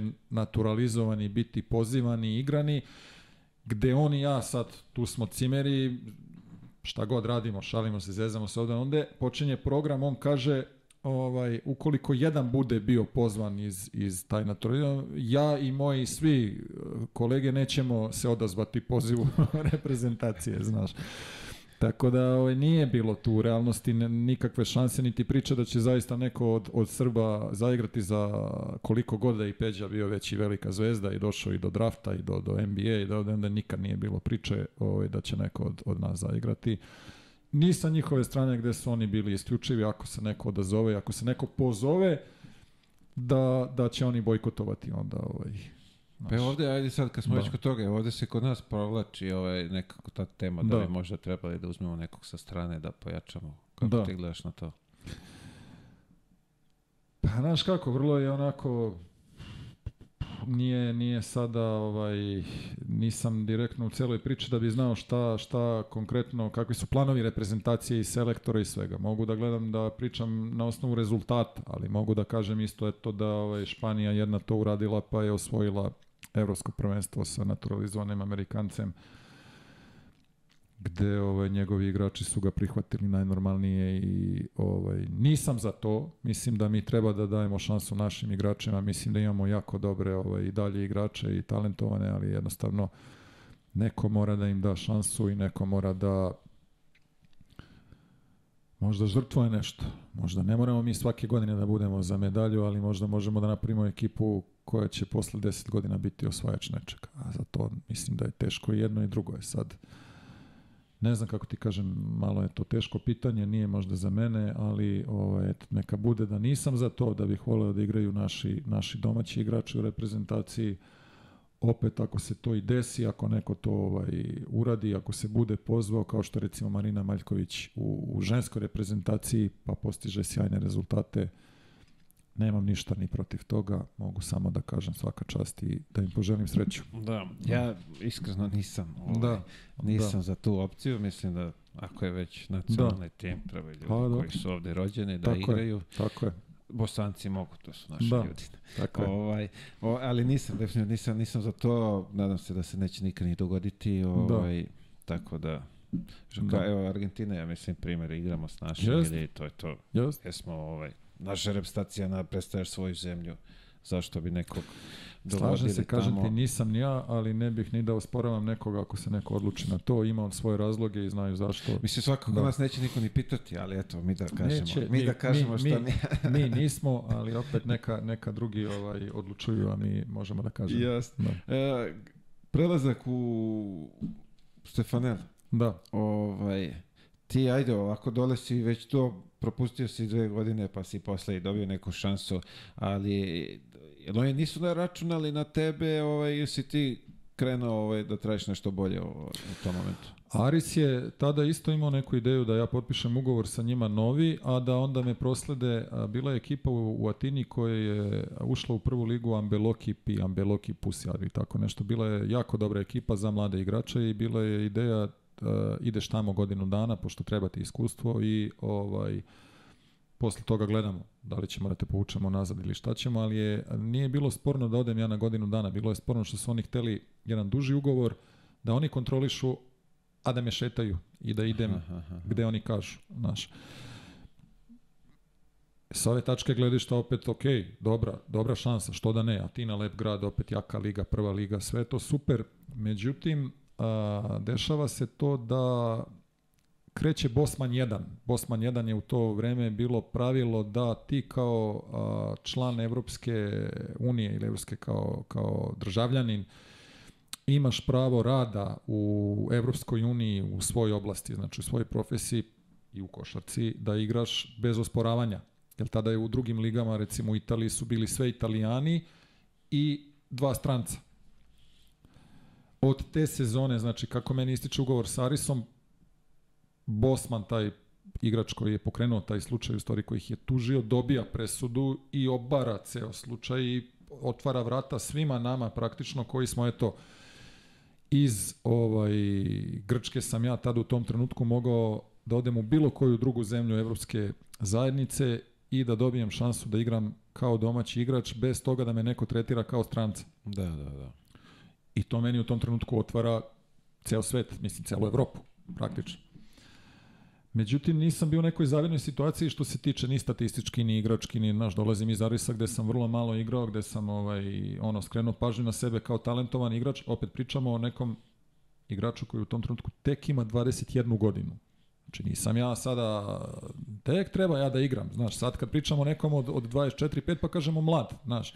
Ali meni tada već ono, godinu dana seniora zvezde, četiri godine inostranstva, pa ono kao osjećaš se u, znaš, u stvari 21 godina, tek krećeš.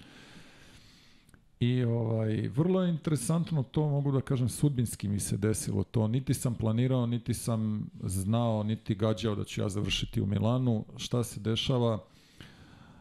A, zabavljao sam se sa devojkom koja je živjela i radila u Milanu tada. Ovaj, I za, kad mi se završila sezona u Grčkoj, otišao sam kod nje da je posetim i ostao sam mesec dana tamo gde smo bukvalno ono obilazili, uživali Venecija, Rim, ovde, onde, išli malo da mi pokaže Italiju i ovaj, ja sam trčao, radio sam samo vežbe i u nekom trenutku smo otišli u neki restoran u Milanu gde sedim i čujem neko priča srpski pored mene. Gavrilović Andrija, znači, koji je sad do pre dve godine bio i trener Zvezde, ono nešto kad je bio Tomić, da, pa da, da, okej, okej, okej. E, on je već tada bio u Italiji godinama, m, počinjao je nešto da radi kao trener i počinjao je nešto da sarađuje sa nekim italijanskim menadžerom. Mi se nešto znamo, nešto pre 100 godina, on je stariji od mene, ali on je tada bio u Tašmajdanu kad sam ja bio u pionirima Zvezde. I on mene vidi i kaže, ja se tebe sećam kao klinca zvezde, znači to se dešava u Milanu, mi sedimo na večeri, pa ja kažem, ja se negdje isto tebe sećam, šta radiš, on kaže, i tako krene priča, on meni kaže, pa gde si, šta si, pa kažem, nigde, tražim klub. Pa kaže, da igraš u Italiji. Pa ja kažem, pa kako, hoću. kaže, ima neki menadžer Dario Santroli, kaže, ja sa njim sarađujem, idemo da te upoznam i možda ti on nešto naći.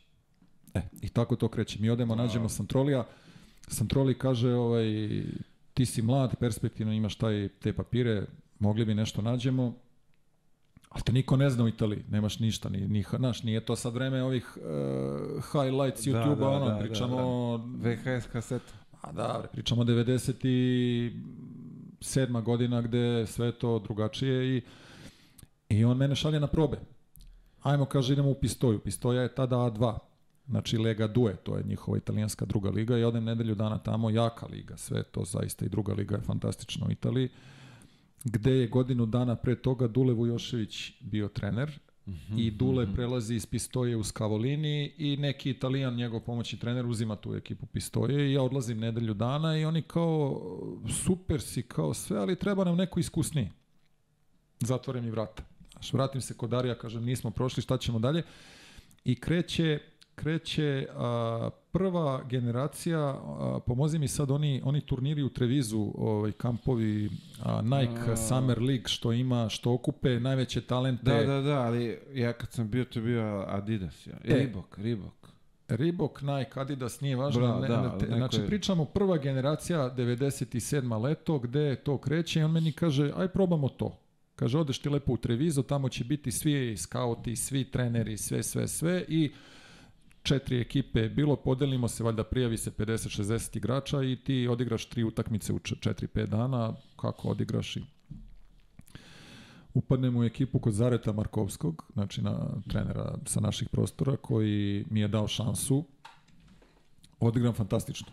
20 i nešto pojena prva utakmica, željan dokazivanja, nisam ono dugo igrao, znaš već ono i druga, ne znam, 14-15 ovde onde. Santroli umire od sreće, mislim Dario dolazi posle toga, a sad kažem ti u publici, tu su sve veliki treneri, sve veliki menadžeri, svi i kaže ovo je fantastično, kaže ovo, imamo kaže dve ponude, kao koje su. Kaže Benetton iz Treviza i kaže Stefanel iz Milana. I sad ja ono, ajde, čekaj, nisam te dobro Čekaj da sednem. da sednem, da.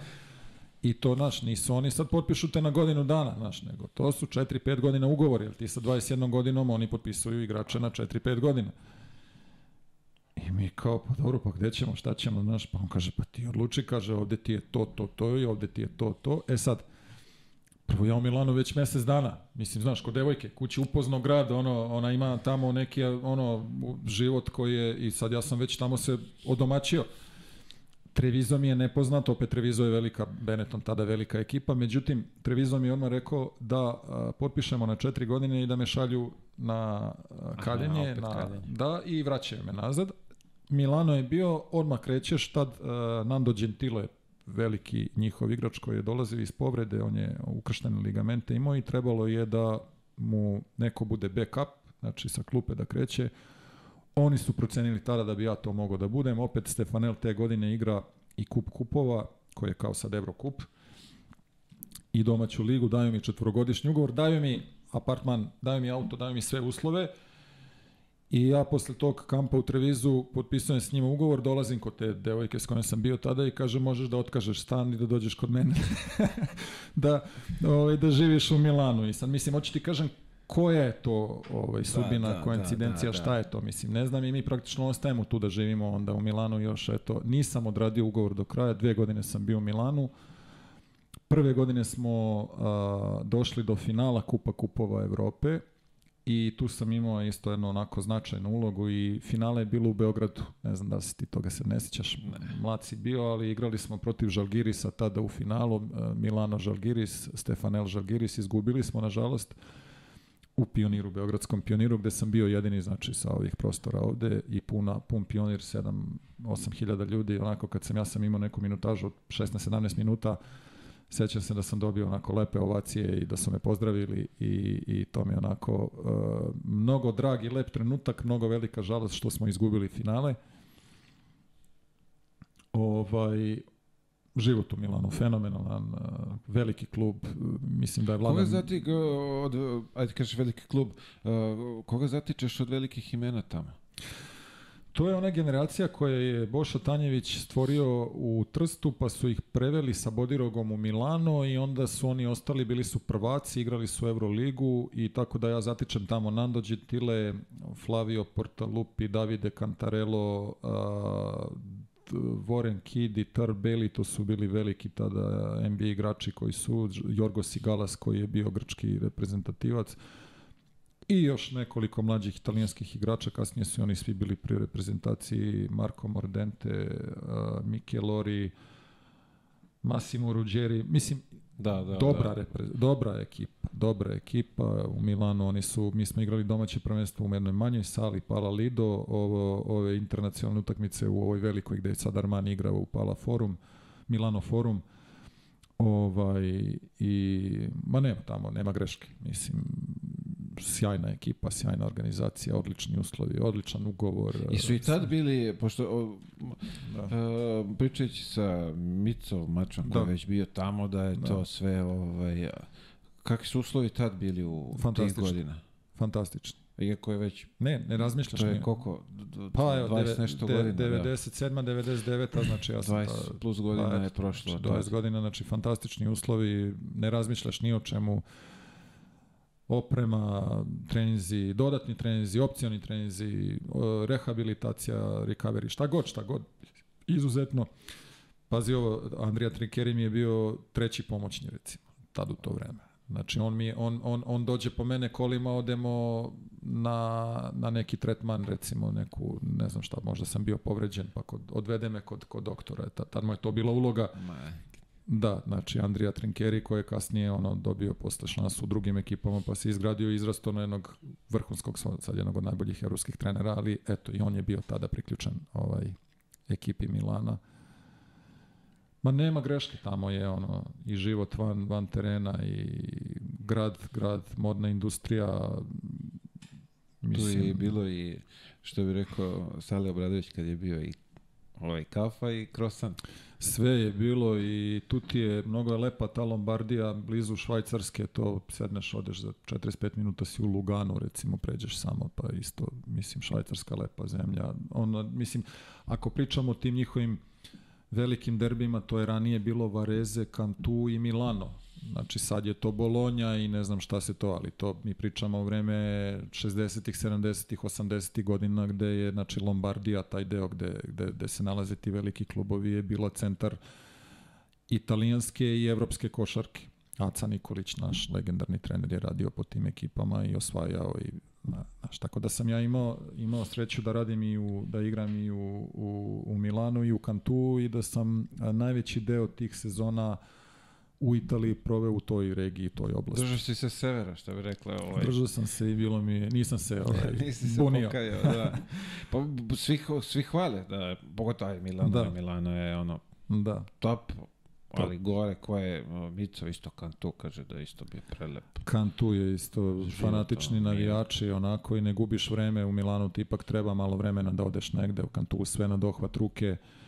Ovaj, mnogo zelenila, mnogo lepa priroda, e, sponzori koji te opet onako ih poštuju, koji fantastično, fantastično. Opet hoćeš da, da, da odradiš trening u, u Kantu, sedneš u auto za 40 minuta si u centru Milana, ručaš, večeraš, vratiš se, spavaš, odeš sutradan do Švajcarske. Mislim, milina. Stvarno ono, Koliko je bitna pozicija. jeste. Jeste. Znaš, Pogotovo u tim sredinama gde da. Oko tebe sve, Da. sve, mislim, sve to lepo što može opet, da se znaš, vidi. i, i, i u tim krugovima, ajde, futbal je, znamo šta je u Italiji, futbal, Si košarka. prisustvovao ovaj, Živeo sam, živeo sam u Milanu recimo na, na kilometar peške od San Sira, Giuseppe Meazza stadion i naš klub je tada Ajde, i Armani je i tada bio jedna vrsta sponzora. Mi smo imali recimo kartice od 30% popusta na kompletan i, i Giorgio i Emporio Armani i mogli smo tamo da kupujemo, ali nije bio glavni sponzor, glavni je bio Stefanet. Ali je klub bio tako dobro organizovan da je a, recimo sa Milanom i sa Interom futbolskim klubovima bio u jako dobrim odnosima gde su njihovi Dejo Savičević je tada bio velika zvezda Milana, on je dolazio na naše utakmice, gledao naše košarkaške utakmice, uveče bi otišli recimo u diskoteku ili negde zajedno. Ne malo puta sam viđao one velike njihove zvezde po razno raznim restoranima, diskotekama, Ronaldo, a, ko je tu bio, Christian Vieri, ovaj, Maldini i tako, mislim baš ono sam, sam krem njihovog, njihovog futbala tad u to vreme, a kažem ti, živeo sam pešaka, onako jedna lagana šetnja da se proštam do stadiona, imao sam ovaj, stalno te propusnice karte i gledao sam sve velike derbije, znači od Juventusa, Lacija, Rome, Milan, Inter, šta god je bilo, jer oni su igrali nedeljom recimo i mi smo, sate, mislim pa ne, nešto, da i sada mi recimo ako smo igrali subota i onda je meni nedelja slobodan dan, onda lepo proštam, odem, odgledam futbal uveče, a onda su svi ti futbaleri i sve to, jer njima je ponedeljak neki prepodne neradan, recimo, tad u to mhm, vreme. -hmm. Tako da baš je to onako organizovano da ti tu nedelju iskoristiš onako punim plućima. E, i onda odem na utakmicu, odgledam utakmicu uveče, izađem, restoran, pa malo. I, i tako, bilo, mislim, bilo je, bilo lepo, bilo je fantastično ko zna da uživa ovaj, ide, ide, idealna sredina. Znaš šta, mnogo mi se brzo desilo ovaj, Zvezda Aris uh, Stefanel, odnosno Armani. Mislim, to su, to su jako velike košarkaške uh, ekipe u tom trenutku. Zna, mislim, pričamo o Arisu koji je tada 10 godina bio prvak. Znači, možemo da pričamo da je to sad Olimpijakos. I Milano koji je tada bio mnogo godina značajan i prvak i sve, znači kao što sad pričamo, znači kao da se nekom klincu sada od 15-16 godina desi zvezda, pa ode u Real Madrid, pa ode u, u, u Kinder iz Bolonje ili ovaj kako se zove sada već ne, ne znam ili negde i bude u prvih svojih u početku svoje karijere u tih nekih 7-8 godina bude u te tri velike ekipe. E to se meni desilo recimo u tih mojih prvih 7-8 godina. Nažalost, nisam se naigrao košarke zbog svih tih okolnosti. U, u Italiji jesam igrao i imao sam dobru ulogu, ali u Grčkoj, Grčkoj ne toliko. U Zvezdi mi je bilo fantastično osvojena titula. Jedan taj evropski trofej sa, sa, sa grčkim Marisom, jedno to je evropsko finale sa, sa Milanom, ovaj, tako da ne mogu da žalim ni za čim. Lepo se živelo, lepo se zaradilo. Ovaj, upoznao sam, naučio sam i, i, i italijanski, tako da ovaj, eto, iskoristio Savršen. sam... Me da. sad zanima samo ovaj, pošto je, ajde kaži Italija, sve super bilo, da. ovaj, Zašto nisi ostao tamo duže? Ti e, se ovako, vraćaš posle u Zvezdu. Ne, ne, imam ja do Zvezde još uh, dve godine Italije. Imaš Kantu, je li tako? Imam, ka, imam Trst pa Kantu. Trst, bravo. Da, šta se dešava? Uh, treća sezona moja u Italiji uh, počinje i uh, izlazi Stefanel i dolazi Sony kao glavni sponsor i kreće malo onako rekonstrukcija ekipe gde ja i možda Porta Lupi, dvojica igrača od kompletno cele ekipe ostajemo tu. Dolazi za trenera Marko Krespi i jedna jako mlada ekipa gde mi počinjemo onako ne sa velikim ambicijama. A, ja sam imao veliku želju da se dokažem novom treneru i pored svih njegovih treninga bilo je tu bio tu neki park blizu moje kuće gde sam ja išao i sad ono trčim stepenice i trč to je ono Saša Obradović sistem na koji sam ja uz da, koji da, sam ja da, odrastao da, da, kad da. sam imao 16 godina sad ja to isto radim kad sam tamo ja sam sebi nabio tu odgovornost i moram ja da budem najspremniji od svih i tako dalje. U nekom trenutku počinjem da da preterujem sa treninzima i osjećam da me boli stopalo i boli me toliko da ne mogu da se oslonim na stopalo i odlazim na, na snimanje i ustanovi se mikrofraktura, znači po, polomljena mi jedna koščica, ta četvrta već kako se zove, ovaj, u, u levom stopalu i dve, dva meseca praktično pauze. Kreće tek sezona kod novog trenera, kod nove ekipe gde gubim onda praktično ovaj, šansu da mu se dokažem. Da Oni su imali klauzulu u tom našem dugogodišnjem ugovoru da ukoliko u te četiri godine hoće da me daju na, u neku drugu ekipu, da su mogli da iskoriste to pravo i kad sam se vratio posle povrede, ovaj, to je negde decembar, januar, a, oni meni kažu da je bolja opcija da idem u Trst, A2 liga, koji se bori za ulazak u A1 i gde će dobiti značajniju veću minutažu posle povrede i gde će za to mene biti za, gde će to meni biti onako ovaj bolje bolje za moju karijeru. I ja prihvatam i odlazim i ne pravim grešku. Znači, e, doživljavam možda i najlepše trenutke tada u, svo, u, u Italiji i u svom životu, jer a, mi osvajamo drugu ligu, ulazimo iz druge u prvu, a, proglašen sam za MVP igrača finala ovaj, protiv Livorna gde smo mi pobedili 3-2 u toj, znači ono, 2-2, pa Majstorica, čak smo i gubili to finale negde sa poluvreme sa desetak razlike, a onda neki preokret uz, uz, uz ne znam, ovaj, neke minijature i pobeđujemo veliko slavlje, ulazak u prvu ligu, Trst opet, Trst je naš. Mislim, to je to. naš, znači ono, opet sam tu sever, Tu blizu mi je, da, Jugoslavija, ovde, onde, nostalgija, puno naših ljudi, Boša Tanjević dolazi, gleda utakmice, imao sam a, tu sreću da igram u ekipi sa Teomanom, Teomanom Alibegovićem, koji je isto ovaj, veliki igrač i, i sjajan čovek i tako da, Eto, tu sam ostao, znači tu treću godinu Italije i onda posle te sezone Kantu, me je, Kantu mi je ponudio ugovor da odlazim onda u Kantu Tamo se zadržaš. ovaj, godinu dana. Godinu dana. dana, godinu dana radim, odra, odrađujem tu sezonu tamo gde smo a, bili neka sredina tabele, ovaj, imao sam značajnu ulogu, bio sam nekad starter, nekad ovaj, backup. Znaš kako, to su ti vremena kad ti sad pogledaš da neko recimo u proseku igra 17-18 minuta i daje 7 poena, ima 4 asistencije, ti kažeš ok, znaš, igraš u, u, u jednoj velikoj, jakoj italijanskoj ekipi, a ja sam tad bio nesrećan, znaš, Da. znaš, A to je to, znaš, ne možeš... u- u- znaš, To su ti neki momenti, ti hoćeš više, daj, a u stvari to je sasvim... Brate, to je savršeno. Evo sada potpišem da da se vratim i celu celu karijeru da igram po jedno poluvreme i da imam da imam taj neki učinak uz naravno da mogu da pomognem ekipi maksimalno da se pobeđuje i da da šta ćeš bolje, šta ćeš? Mislim, znaš, e, al tada tada ti kao mladi kao naš uvek ti nešto fali, uvek hoćeš više, uvek hoćeš bolje. Nije bilo ovih highlightsa, nije bilo ovih, znaš, ja sam recimo imao tu značajnih utakmica u tom kantu, dam 20 i par poena, 24-5 poena protiv Verone u Veroni Louis Bullock recimo tada koji je bio posle toga u Real Madridu nenormalan igrač i Henry Williams mislim to Da, su bili da, strašni da. igrači Gianmarco Poceco koji je sada Carlton Myers Danilović eh, mislim hoću ti kažem to su bili moji neki ovaj, rivali, konkurenti na poziciji na kojoj igram.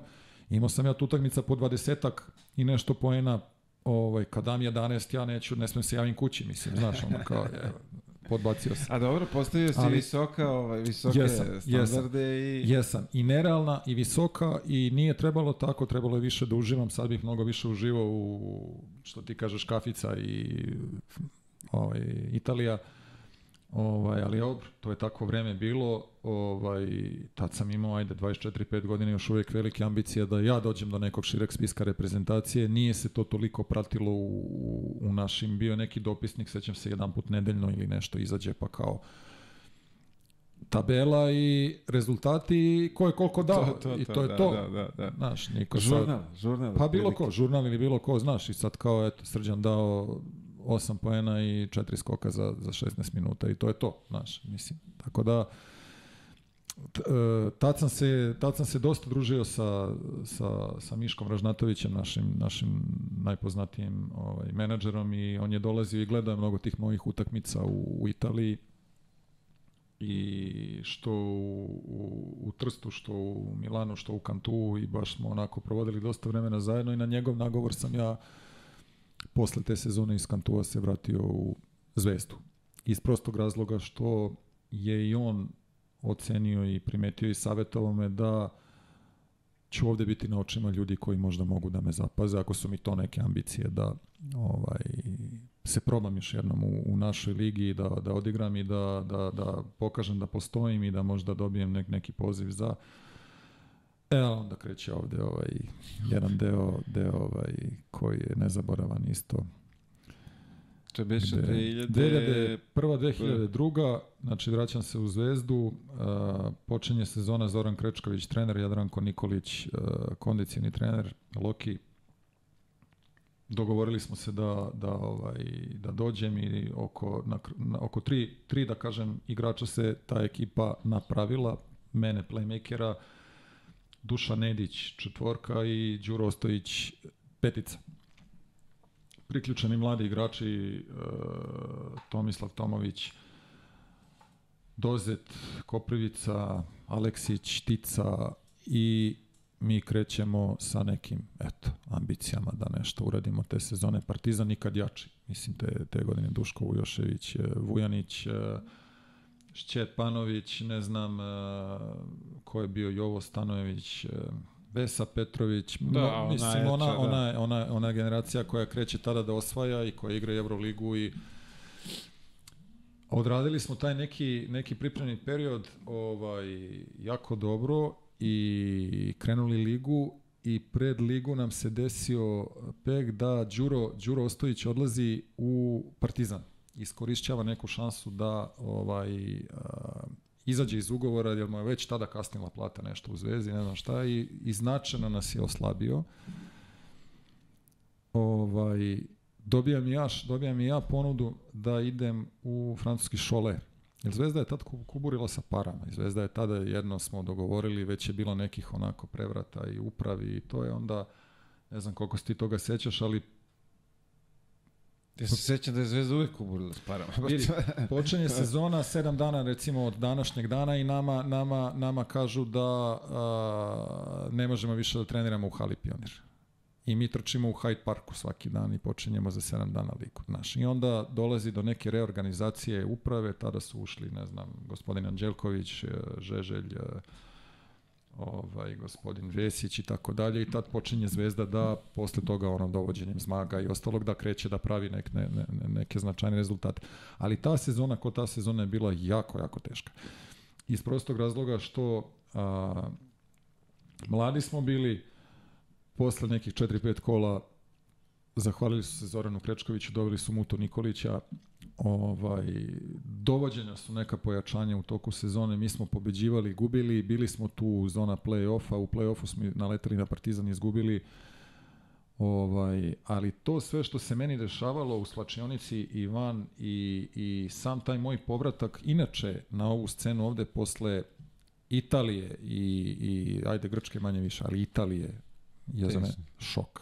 Gde je sve tamo u- ono, Šok. po pravilima uređeno. Šok, šok. Znači, mi odemo u taj Hyde, Park, parkiramo automobile i dok mi optrčimo krug, jedan fali. Znaš, neko je nekom ukro auto. Na, mislim, znaš, hoću ti kažem, ovaj, dođe, dolazimo na jutarnji trening, igrač dolazi u gipsu, nekoga je upucao to veče u, na splavu. Mislim, znaš, nenormalne stvari gde, gde ono ja ne mogu uopšte da verujem pritom Zvezda ajde Zvezdino sam dete odrastao sam prošao neke mlađe kategorije prošao jednu seniorsku sezonu dobio šansu da budem kapiten tad sam bio 2001. 2002. kapiten Zvezde e, dres sa brojem 4 koji za mene isto znači nešto i koji sam uvek maštao i ovaj I ja iz te velike ljubavi prema Zvezdi, naravno, trpim celu tu sezonu sa svim tim, da kažem, ovaj, poteškoćama i kako god, ali mi je ostala onako kao jako, jako ovaj, teška sezona.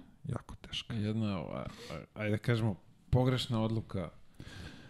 Pa moglo bi se reći, ali prekretnica jedna, jer do tada, evo to kažem ti kao mlad, igraš u, u vrhunskim evropskim ekipama, dolazi taj trenutak vraćanja u zvezdu i onda od posle te sezone, ja sam znači, igrao još nekih 8-9 sezona, ali nikad više nisam se vratio na nivo tih ekipa od ranije. Onda je posle bila neka Poljska, neka Mađarska, neki Iran, opet e, bez ikakvih ovaj omaloža, omalovažavanja, to su sve isto fantastične bile i ekipe i dobre prilike i svima sam jako zahvalan, ali na kraju krajeva, znači nikad posle te sezone nisam opet otišao na ovaj na nivo na kom sam možda bio pre toga. Jasno. Da. Ne mogu, da- da, ali opet, ne mogu da verujem, mislim, to je taj ludi period, ali da odeš na trening, trčiš krugo na auto, nesto.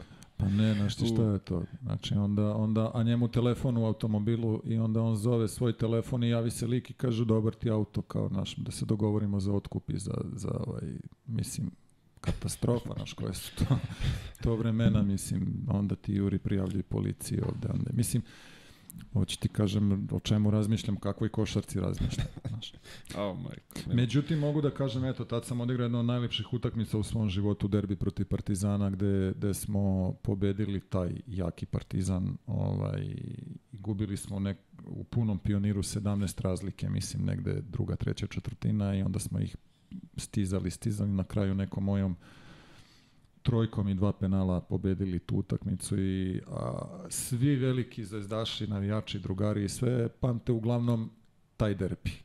Znaš, kad se negde ja pojavim, ni Stefanel, ni ovo, ni ono, Da, ali da, brate, da, ti da, si s onom trojkom pobedio jednu utakmicu Partizana i to je dovoljno za Viš, život. ima nešto i dobro u, Ima, u, ima, u ima. toj Kažem ti, to je, sezoni, to je da. fenomenalno i to je, to je bilo stvarno nezaboravno i kažem ti, recimo Partizan je tako jak Partizan možda 3-4 dana pre toga gostovao u Euroligi ta u keramici, pobedio ih u gostima i dolaze puni samopouzdanja i mi potpuni outsideri sa tako nekom da kažem mladom O, o, ekipom. oni će reći, opustili su se. Da, Malo to su se da, možda opustili, mi opustili ekstra se. motivisani, opet uđu neki šutevi kad ono što ti ceo život i treniraš i nadaš se da će doći i eto, hvala Bogu, ta jedan je došao ovaj, A dobro, Znaš. za pamćenje, da ima šta da se Da. prepričava na, deci. na, naš mislim, gledam, ajde sad pričamo o tome, pa ima lepih stvari, naravno. Naš, gledao sam neki intervju ranije, ovaj, aktuelan je i sada Nemanja Vidić,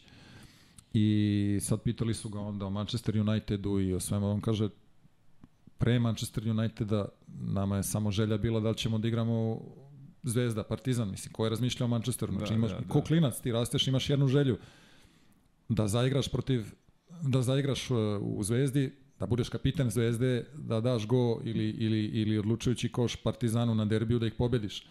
Znaš. I onda ja kažem, čekaj, pa ja sam to sve dostigo, znaš. Ok, bio sam, igrao sam protiv Zvezdu, bio sam kapiten jedne godine Zvezde seniora, dao sam koš za pobedu protiv Partizana, protiv Jakog, šta će više, super, To je to, fantastično. smo sve snove. Pa to, ajde da ne bude sve ovaj da je, da je Da. bilo, da je bilo. Pretpostavljam da je tu bilo još ovaj, e, sad kad si nabrojao imena koja su sve bila, ovaj, Da. bilo je tu verovatno još nekih zanimljivih e, anegdota. Mnogo. Mnogo. Sa Mutom Nikolićem je jako interesantno raditi. Mislim, to je, znaš, ali sad ovaj... Čekaj, s- s ovaj, je li to sezona kad je Muta došao u Zvezdu pa ono spasio ispadanja? Ne. Pa Muta se u više navrata vraća. Ja mislim da je godinu dana pre toga već bio u Zvezdi, pa je tu sezonu otišao u Radnički sa krsta, pa je onda ovaj kad su Zorana Krečkovića smenili, onda je došao opet. Tako Mhm, da, da je mhm. to njegov, njegovo drugo vraćanje u Zvezdu praktično. Ne mogu Sećam sad se- se setim koja godina bila. Znam da je neka priča Da. bila, on se vratio, seća se i tih i Da. ovaj naslova. Ovaj, bukvalno nešto da, ispadne Zvezda iz lige. To pa je bilo godinu preo- dana ranije. Ranije? Da, Aha, a, ove, aha. a te, te godine kad sam ja bio, bili smo tu negde sredina tabele, ušli smo u play-off i ispali smo u tom četvrtfinalu baš od Partizana. Sećam se mene kad je video prvi trening, pošto ajde mi se nismo poznavali, ali on zna da sam ja igrao u Italiji i odmah me je prozvao Mario Puzo, mislim ovaj što je pisao Kuma i onda je, mislim, znaš, meni je bilo kao dobro, kao okej, ako je te, tebi interesantno, ja sam Mario Puzo, okej. Ovaj, tad smo potpisali Isaiah Morris, bio je možda ovaj prvi stranac u Zvezdi posle ko zna koliko godina i ovaj c- c- e, tamo puti Amerikanac pozicija 5 i sad sećam se dolazi na prvi trening i čovjek je ko pao s Marsa, ne zna ništa, mislim, ne znaš gde je došao ovaj, i naravno igrači su se odmah dogovorili, kondicioni trener, sad ćemo mi da ovaj, radimo neke nenormalne stvari da on misli da je to uobičajeno. I sad sećam se ovaj, bez zagrevanja, bez istezanja, bez ičega, svi skačemo 10 puta kolena grudi, 10, uh, 10 ovih uh, sklekova, onda 9, 9, 8, 8, 7, 7, 6 do 1, 1, znaš. Umiremo svi, raspadaš se, znaš, mislim, ali svi trpe kao da bi, da bi videli da će on, i on, on gleda, prvo ne može da veruje, znaš, sad kao sad i on to treba da radi, I onda se kao kondicioni trener neko prestane, on, ga, on se naljuti ne, pa ga otera u ćošak. Znaš, i ovaj kao stoji ceo trening u ćošku. Znaš, i sad, i ovaj posle dolazi meni, kaže, "Jel ovo stvarno tako. Znaš, i onda posle se opustio, posle smo, mu, posle smo ga uveli u, A, kakav doček. Pa da, znaš, i sad zamisli odeš negde i sad ovi te odmah nagaze, maltretiraju te fizički kao da ti misli, po bože, šta je ovo, ne, nigde lopta, nigde Gde ništa, radiš ceo trening, skačeš ovaj kolena grudi, radiš, radiš sklekove i, i, i ko, ko neće da radi ide u ćošak. Wow. E, to ti je... Šta je u njegovoj glavi bilo u tom momentu? Da, to su, ti, to su ti tako anegdote, znaš, mislim, ono gde, gde ovaj... Komedija. Da. Sledeće godine oni prave onu reorganizaciju Zmagova. Kako, je li tako? Sledeće godine. Ti da. nisi, Ne, nisi planirao da ostaješ. ne. ja sam, ja sam negde čak ovaj i, i hteo, ali oni su iskoristili, potpisali su Gorana Jeretina tada mm -hmm, i bilo im je puno da, da plaćaju i mene i njega i onda su iskoristili neku klauzulu da mogu mene sa mnom da sporazumno raskinu taj ugovor ovaj, opet na nagovor Miška tada tražili smo da idemo ili zbog uh, grčkih papira ili u špansku ligu ili u Italiju Bilo je nekih dobrih, da kažem, interesantnih ponuda, ali na kraju opet završim još jednu sezonu u Italiji. Italijanska A2 liga je tad bila Imola. Tako da sam onda tu otišao još jednu sezonu u Imolu. Čekaj, izvini, što mi Imola da. poznata? Pa poznat... To ima formula, ne? Formula, ne, da, mi smo na toj, da, tu je i poginuo Ayrton Senna na, na toj... A ima Imola stazu svoju? Imala je velika trka San Marina gde, koje se više, ja mislim da više nema, da je otkazana, ali tad je bila u to vreme mm -hmm, i mi mhm, smo, mi smo trčali ulazili smo na tu stazu i e, radili smo fizički deo priprema. Oko nas je tada Mihael Schumacher, Barrichello, Barrichello ili kako se zvao, znači ovi vrhunski Formula 1 vozači su vozili treningi Tako da mi ono završimo naš trening, sednemo i gledamo formule, da, naš. Dok proleći. Pa da, a da. Imola je lep gradić blizu Bolonje, isto sever Italije, ovaj, i tu sam igrao s jednim velikim italijanskim igračem Vincenzo Esposito, ovaj, on je, Esposito, da, on je da. bio onako baš legenda njihova i tu smo sezonu isto onako odradili solidno. E, pravo ti kažem, posle toga se ni ne sećam ovaj, gde sam dalje.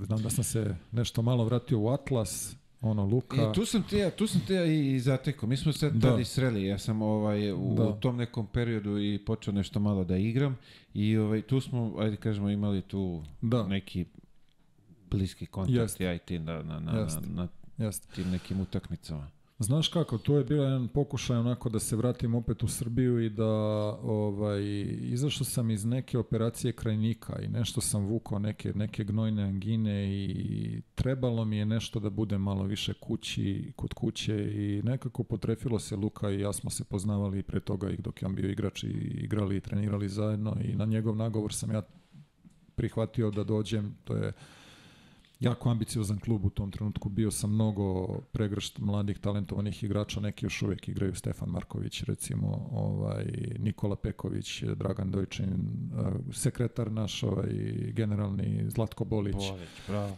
Delonte Holland, Holland da, da. da, onda ma, odlična ekipa, fantastična ekipa je bila, međutim, ovaj, ja sam negde u, u, na pola sezone slomio prst na ruci, a, nisam nešto dobio šansu i odlučio sam da tražio sam Luki jednostavno da, da, da ne osjećam se dobro ovaj, i da me pusti da idem. Tako da sam otišao, onda sam otišao dve godine u Mađarsku, Kečkemet, gde sam opet imao ovaj, jednu, jednu lepu i uspešnu sezonu. Osvojili smo nacionalni kup, jedan jedini kup trofej u, u istoriji tog kluba.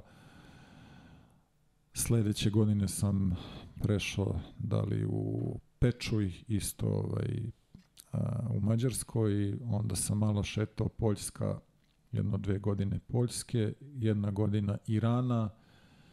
To je već ono u ciljnoj ravnini što pa bi to je rekla. već bilo 33. četvrta godina istrošeno onako već dosta umoran. Znaš kako kad neko kažeš 33 kažeš o imaš ti još da igraš naš, ali s obzirom da je meni 16. godina bila prva profesionalna seniorska sezona, ti si sa 33, 34 već veteran. Naš, 18, 18 nekih seniorskih sezona nakupilo se tu svega i svačega.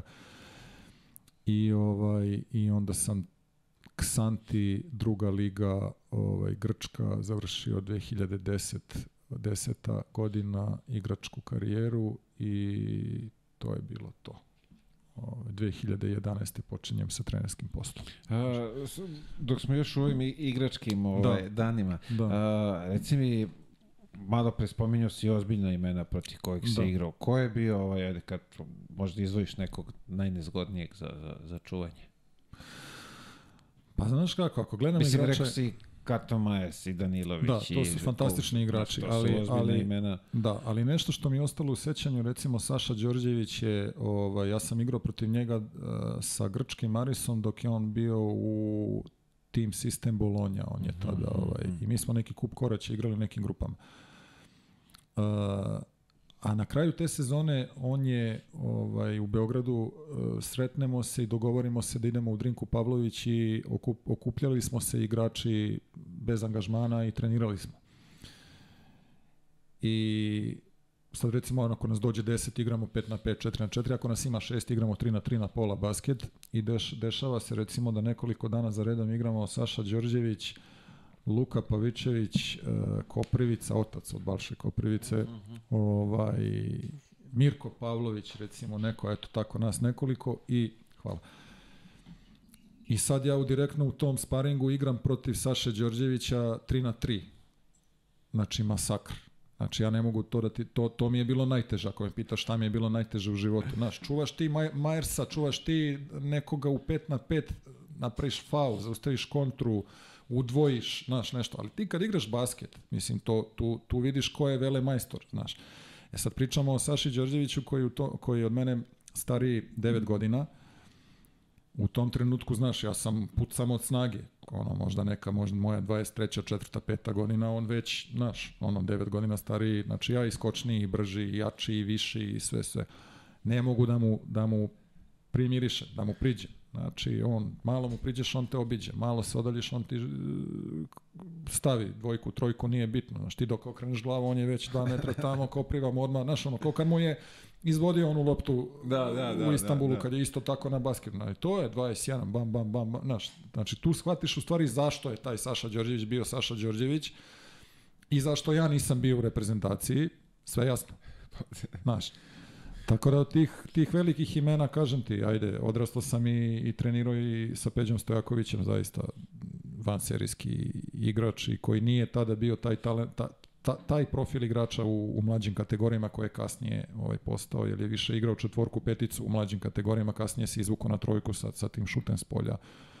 Ali isto jedna nenormalna snaga, jedna, jedna, posle kad je upucao ruku, jedna preciznost, jedna, to je, to je zaista neverovatan igrač ovaj, ovo po Italiji, po Grčkoj, sve su to bili strašni igrači. Znaš ti, kad pomeneš tog po, po Ceka, pa, pa onda bio neki Majki Ucolino, recimo, pa onda ovaj, od naših igrača Petar Naumovski, pa ne znam, ma mislim, gde god se okreneš neki vrhunski... Da, da, da, uvek neka ekipa ima nekog... Pa da, Znaš, David Rivers je bio neki fantastičan igrač Amerikanac u, u, u Olimpijakosu u to vreme. Znaš, tako da mnogo, mnogo je tu bilo, bilo ovaj, dobrih vrhunskih igrača. Ja sam imao tu, tu ovaj obavezu u nekim tim ekipama da budem i Branko Lazić, znaš, da uđem i da, da tučem i da ovaj, igram odbranu što sam isto dobro radio i mislim to je, vidi naš... to je sve te deo taktike i ovaj fantastično da mora da se odradi da. to što da što ste dogovorili zašto si da. Tako da ovaj, namenjena ti je neka uloga. Tako da ja njega mnogo volim, znaš, ja gledam i on je ovde sada i kapiten isto ovaj tim kom sam ja bio kapiten i opstaje čovek na tom vrhunskom nivou, igra igra fenomenalno i znaš negde to je ono o čemu sam ti rekao, znaš, kad nađeš sebi svoju meru, svoju ulogu i svoju uh, zadovoljan si sa onime što radiš, što pružaš i, i podređen kolektivu i super, šta će više, znaš, nego ta neka naša ne, ne, nerealnost, neobjektivnost u tim nekim mlađim danima da, kad da. si željan, nas obično onako odvuče od onoga što je u stvari tebi namenjeno, predodređeno i u čemu treba da budeš presrećan. Znaš. Pa, to je da, opet, da. ali sad, da li imaš ti nekog tu da ti malo to objasni, dočara kako bi to trebalo, da Tako ti je. ne preteruješ u Tako tome, je. da budeš Tako je. objektivan koliko Tako možeš, znaš, to je, Tako isto, je isto sad, mnogo je bitno, bar i ovi mladi koji gledaju da Tako mora je. neko da stoji tu sa strane mora. i da ti kaže, ej, mali, poleteo si, spusti se. Mora, ali evo iz ličnog sportskog i životnog iskustva ono što sam iskusiš i osetiš bol je u stvari i najveća ta neka promena koja se dešava u tebi kasnije. Ako si inteligentan i, i ako želiš da budeš, ako ne želiš da ponavljaš greške. Da, da Ovaj, tako da sve to je deo škole, odrastanja, sticanja iskustva. Sad kad bih počeo iz početka, verovatno bih pametnije radio sa ovom pameću neke stvari, ali opet verovatno bi bile druge situacije koje bi me ovaj, pa je ne, testirale. Pa nekako, ajde, da. kao sad smo pametni, imamo da. iskusni smo, prošli smo nešto, ali opet pitanje što ti kažeš sad, šta bi, se, šta bi te dočekalo? Ne bi te dočekali one iste stvari iz, ko što su nas sad u 90-im, znaš, bilo bi drugačije i onda bi verovatno opet, opet bilo grešaka, ne bi moglo bez grešaka nikako. Dobro, to je dobro. Ja nemam ništa protiv grešaka, kažem ti, ako su greške deo odrastanja i deo učenja i, i životne i sportske škole, to je to, super. Uzmi, uzmi greške kao nešto dobro, ispravi ih, ne ponavljaj ih i idi dalje.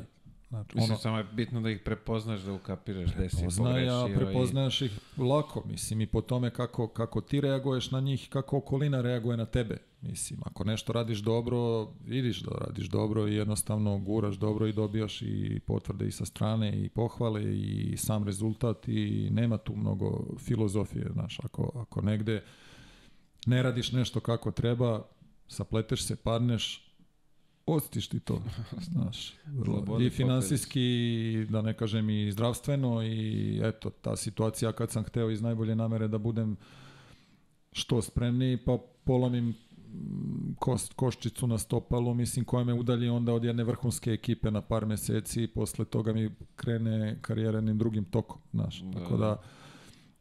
verovatno da bih sada malo, malo profesionalnije prilazio svemu u tome u smislu našo bih stručnjaka, pošto ima mnogo stručnih lica koji nisu samo košarkaški treneri, nego neko da se bavi tvojim telom. Pa mislim, imamo i Novaka Đokovića kao primer koliko se on bavi raznim stvarima u svojoj karijeri i, i filozofijom i, i, i životom i svemu, svemu što je opet u, u nekoj funkciji tom postizanju njegovih vrhunskih rezultata u tenisu. Da, da. Znaš, tako da, Mislim, ima tu mnogo, da. mnogo čega Mnogo. Ove, što, što može da se Mnogo, primeni, ali- da se... ali mislim da je praktikuje. porodica da je porodica jako bitan faktor i da je jako bitno da, da imaš podršku i da, da znaš, negde oformiš porodicu, da možda i da imaš i, ajde da kažem, suprugu, decu koji, te, koji ti veruju, koji te prate, koji te da imaš neku svoju oazu kad ti izađeš iz, iz tih uh, stresova, iz tih uh, obaveza profesionalnih, da odeš i negde da, da, da se osjećaš uvek prihvaćenim i uvek voljenim i da možeš nekom nešto da, da, da, da pokažeš i da se baviš nekim drugim životnim stvarima, ne samo košarkom, ne samo, mislim da je i to jako Mislim, bitno. košarka je jedan deo života. Tako je. posle Tako je, tako je, Treba imati neke druge ovaj, da, stvari za, za Tako mirnu je. glavu. tako je. E, reci mi, kad počinješ ti da razmišljaš o, o kraju karijere? Pa eto, to 30, 33. 34. godina moja, znači počinjem da se osjećam dosta istrošenim, nemotivisanim više za taj način života, idem a, po raznim zemljama, menjam zemlje, menjam destinacije, uzimam neke ugovore i onda ono čekam već od januara, februara kad će maj da se vratim u Srbiju i već to ti je neki pokazatelj da je dosta. Znaš, da- Zasićenje. zasićenje nije toliko bilo fizičko kod mene, hvala Bogu izbegao sam neke velike povrede, koliko je mentalno pražnjenje bilo i psihičko preopterećenje i gde sam ja sad, sad eto, 34 godine poželeo da jedno pola godine, godinu dana ne radim ništa vezano za profesionalni sport i tako se i desilo do 2000, od 2010. do 2011. sam bio praktično ovde i posvetio sam se malo više sebi, odmarao i onda sam tek odlučio da idem dalje. Si u momentu dok si igrao, si imao razmišljao ovaj, za plan posle šta bi radio kad se završi ovaj, karijera ili...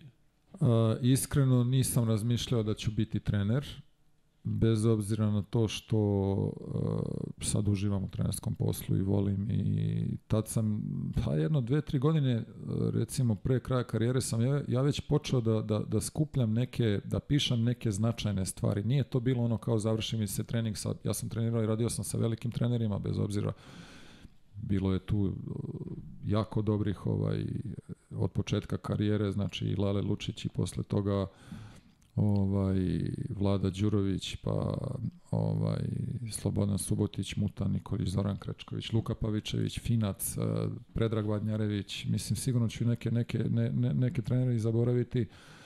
Ali imao sam, imao sam šta od koga da naučim. Ja sam neke svoje beleške hvatao. Imao sam jednu svesku gde sam ja pisao ne kao a, program treninga, pa ono da ja nešto sad prepisujem, ali više kao značajne, bitne stvari za mene ako jednog dana budem postao trener, kako bi. Tako da sam neki dnevnik vodio i to se nakupilo jedno, jedno onako dva, dve sveske, onako sam ja već ovaj. Tako da kad sam ovaj, 2000 2011.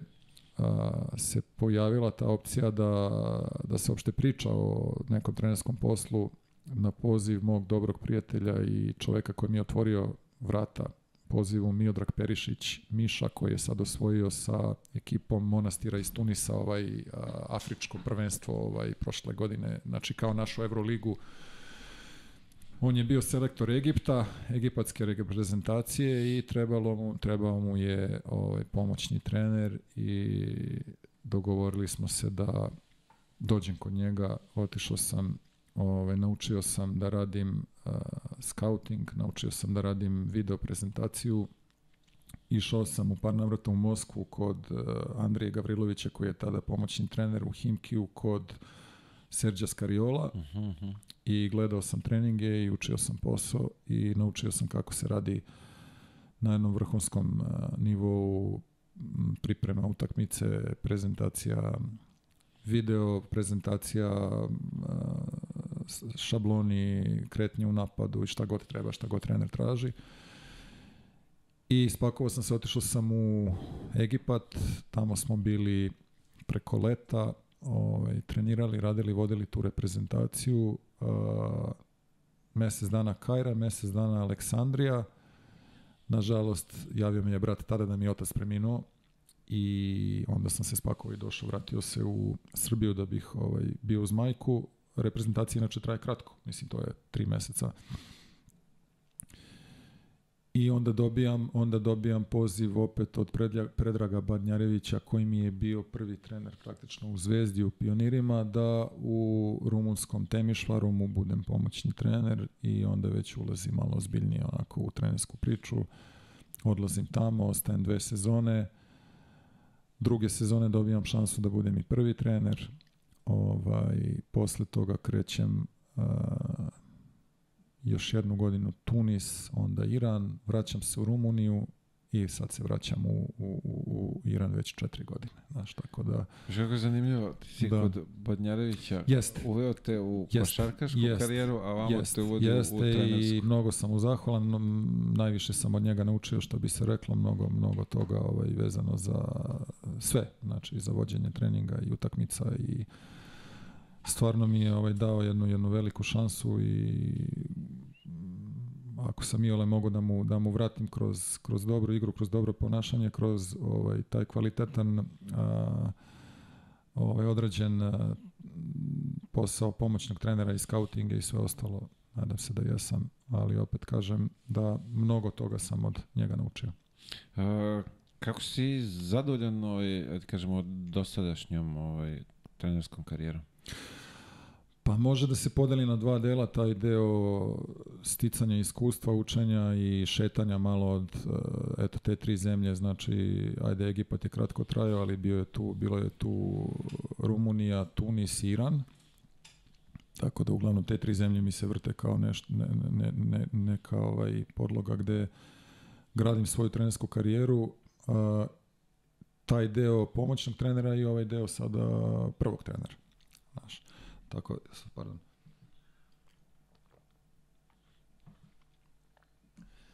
Tako da je to nebo i zemlja. Znači biti biti pomoćni trener ovaj i biti prvi trener je ne može da se poredi. Ovo sada što radim je mnogo mnogo odgovorniji posao, mnogo zahtevniji. A, na kraju krajeva donosiš bitne odluke, selektiraš ekipu, vodiš ekipu, biraš i po, i svoj stručni štab. A, Sve, sve što radiš da. je na neki način na neki način je ovaj odgovornost i mogu da kažem da sam zadovoljan jer a, biti četiri godine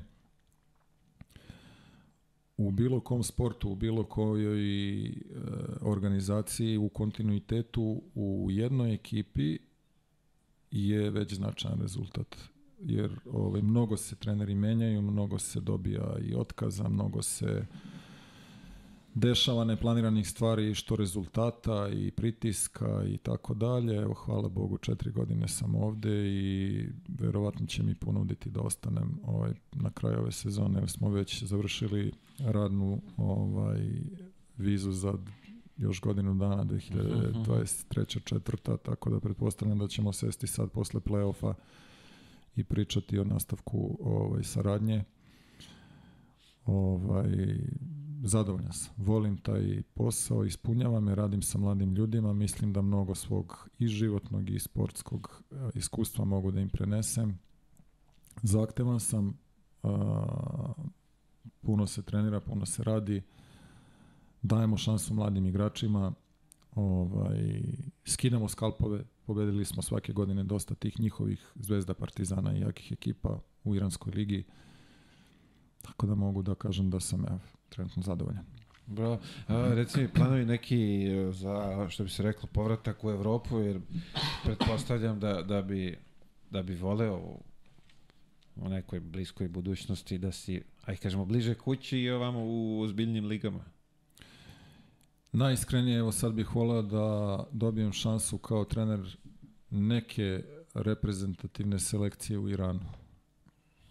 Znači, eto, to je, to je nešto što mi je Mhm, sledeći korak. Prošle godine smo bi, bili blizu dogovora uh, U19, znači ove mlade. Ove godine je moguće da će se to desiti i nekako, znaš, kad si na nekom tržištu malo duže i kad već ja tamo poznajem kompletnu ligu od 16 godina do veterana, Da, da, da. sve ekipe i sve što se dešavalo u posljednjih četiri godina, znači ono što bi se reklo držim u malom prstu i to je jedna određena prednost raditi i nastaviti raditi tamo. Znači, ovaj, opet reprezentacija je izazov jer je to jedan korak eh, dalje, jedan korak više od ovoga što radim i samim tim možda čak i izlazak na, neku, na neko takmičenje gde onda možeš da se vidiš na velikoj sceni i da se takmičiš protiv drugih reprezentacija. Tako da ako me pitaš iskreno o Evropi i o povratku, da, nemam ništa protiv, ali voleo bih da ovaj, nastavim bar još neko vreme u Iranu, da zaokružim ovu priču, da dođem do neke reprezentativne selekcije i ajde, Bože zdravlje, ako bih dobio ovaj šansu da imam i dva stranca i da možda probam da osvojim titulu, jednu da se kruniše ovaj rad u ovoj mladoj ekipi sa nekim tako rezultatom u, u nekoj bliskoj budućnosti, godinu, dve dana. Bilo bi fantastično. Pa bilo bi lepo, znaš, kada odlaziš iz neke zemlje da, da kažeš uh, sve sam uradio. Bio sam igrač, bio sam pomoćni trener, bio sam head coach, uh, osvojio sam titulu i vodio sam neku reprezentaciju. I onda možeš onako lepo da kažeš ovaj... Ovde sam zatvorio priču. Pa ono, vraćam se punog srca jednog Da, dana da, da, da. se družim s prijateljima, znaš, tako da negde, eto, to su mi ambicije ako, ako već Pa, dobro, pričamo lepo, o tome divno, da. i nemam šta da krijem, znaš. Želimo ovaj, iskreno Da, da, da, hvala ti ti. se ostvare, da bude to sve kako si planirao, zamislio. Tako da, Hvala ti. do tebe ti da radiš, a mi ćemo da dajemo podršku. Ovaj. Da. A, reci mi sad oda, odako gledano celu karijeru, šta smatraš tim nekim najtežim trenucima? Pa najteže kad ne igraš.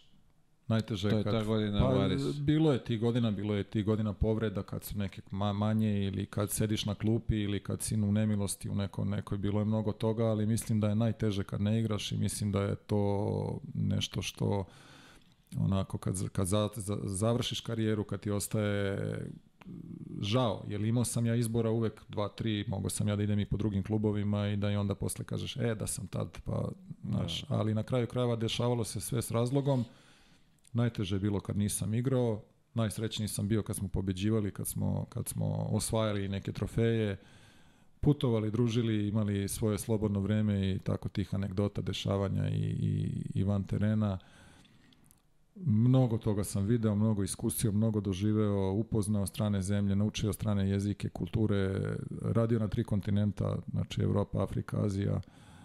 Opet smatram sebe još uvek mladim čovekom, tako da ajde, možda da iskoristim. Pa za trenersku karijeru Da. ti Pa da, si pravo vreme, da. mlad, da, tako da Pravo ovaj, vreme ima i- tu, da. Boga mi znaju oni da doguraju po, do, do, do lepih godina ovaj, u toj trenerskoj Pa karijeri. ajde, da kažemo da neću da planiram toliko unapred, ali barem još jedno desetak, 15 godina sigurno sebe vidim u ovom poslu i na kraju krajeva imam i, i svojih i ličnih i profesionalnih ambicija i porodičnih i eto, idemo, Što guramo. bi se reklo da čuknemo u drvo, da Jest. to bude sve Hvala. ovaj kako treba. Da. A, vidi ovako, ovde smo, što bi se reklo, dogurali smo do kraja, a, kako sam ja ovo planirao, a, zamolio bi te za savete, A vidi sad ovako, možeš i ovaj, trenerima koji su tu na početku, a i ovim mladim igračima. Da. I jednima i drugima radite, edukujte se, usavršavajte se, nemojte mnogo da žalite, nemojte mnogo da tražite mane u drugima, nego gledajte uvek šta možete sami u sebi da usavršite, da, da poboljšate. Danas, hvala Bogu, ima mnogo mogućnosti putem mreža i putem interneta i putem razno raznih seminara i klinika i svega, znači može da se čovek koji hoće da se usavršava može na svakodnevnom nivou radite to iz ljubavi, nemojte da vam bude nešto drugo ovaj motivacija, jer kad radiš stvari iz ljubavi, ona druga stvar, ona druga strana dolazi, prati. A kad je drugačije, onda to već ide malo teže.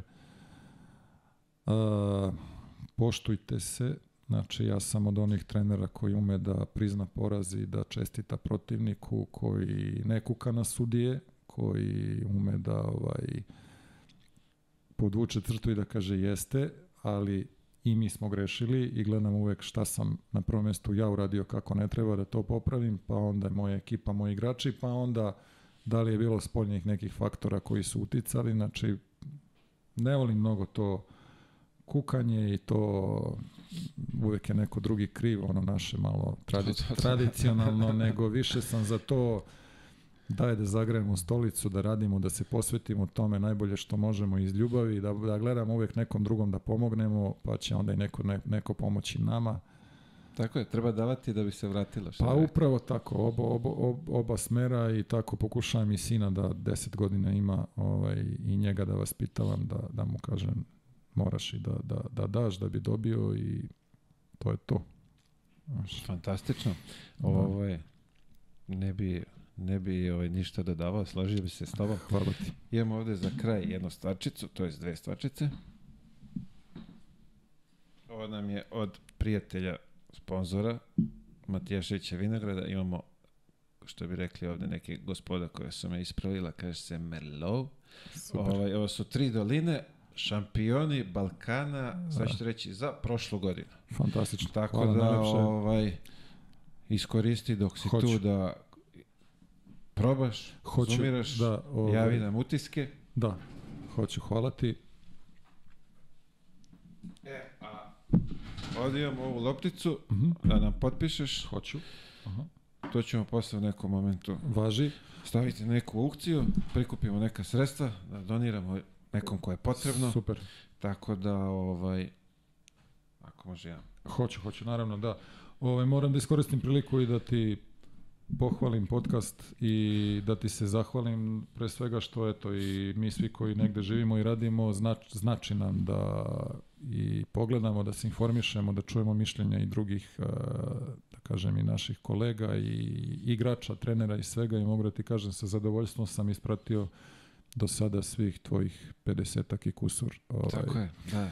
Emisija i tu sredu ne propuštam, čekam ovaj, kad mi je dobar internet u Iranu da mogu da, da pogledam. Tako da ti želim i tebi sreću da ovaj, i ti nastaviš kao što već jako dobro radiš i da to raste sve više i više. Hvala najlepše, hvala najlepše. Drago Da. mi je, drago mi je Da. ovaj što, što gledate i preko. Da.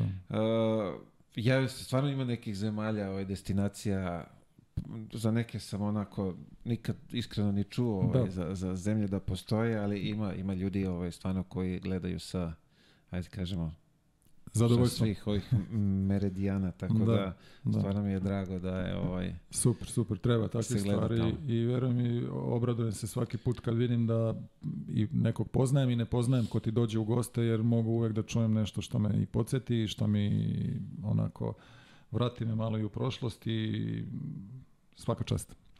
hvala ti, hvala ti puno. Na čemu. Hvala ti. Drago mi je da se gleda. Ovaj, što ti kažeš, svaka priča ovaj, nosi, to jest svaki gost nosi neku svoju priču i ovaj, ja opet kažem i ponavljam da od svakog čovjeka može nešto da se nauči. Tako je.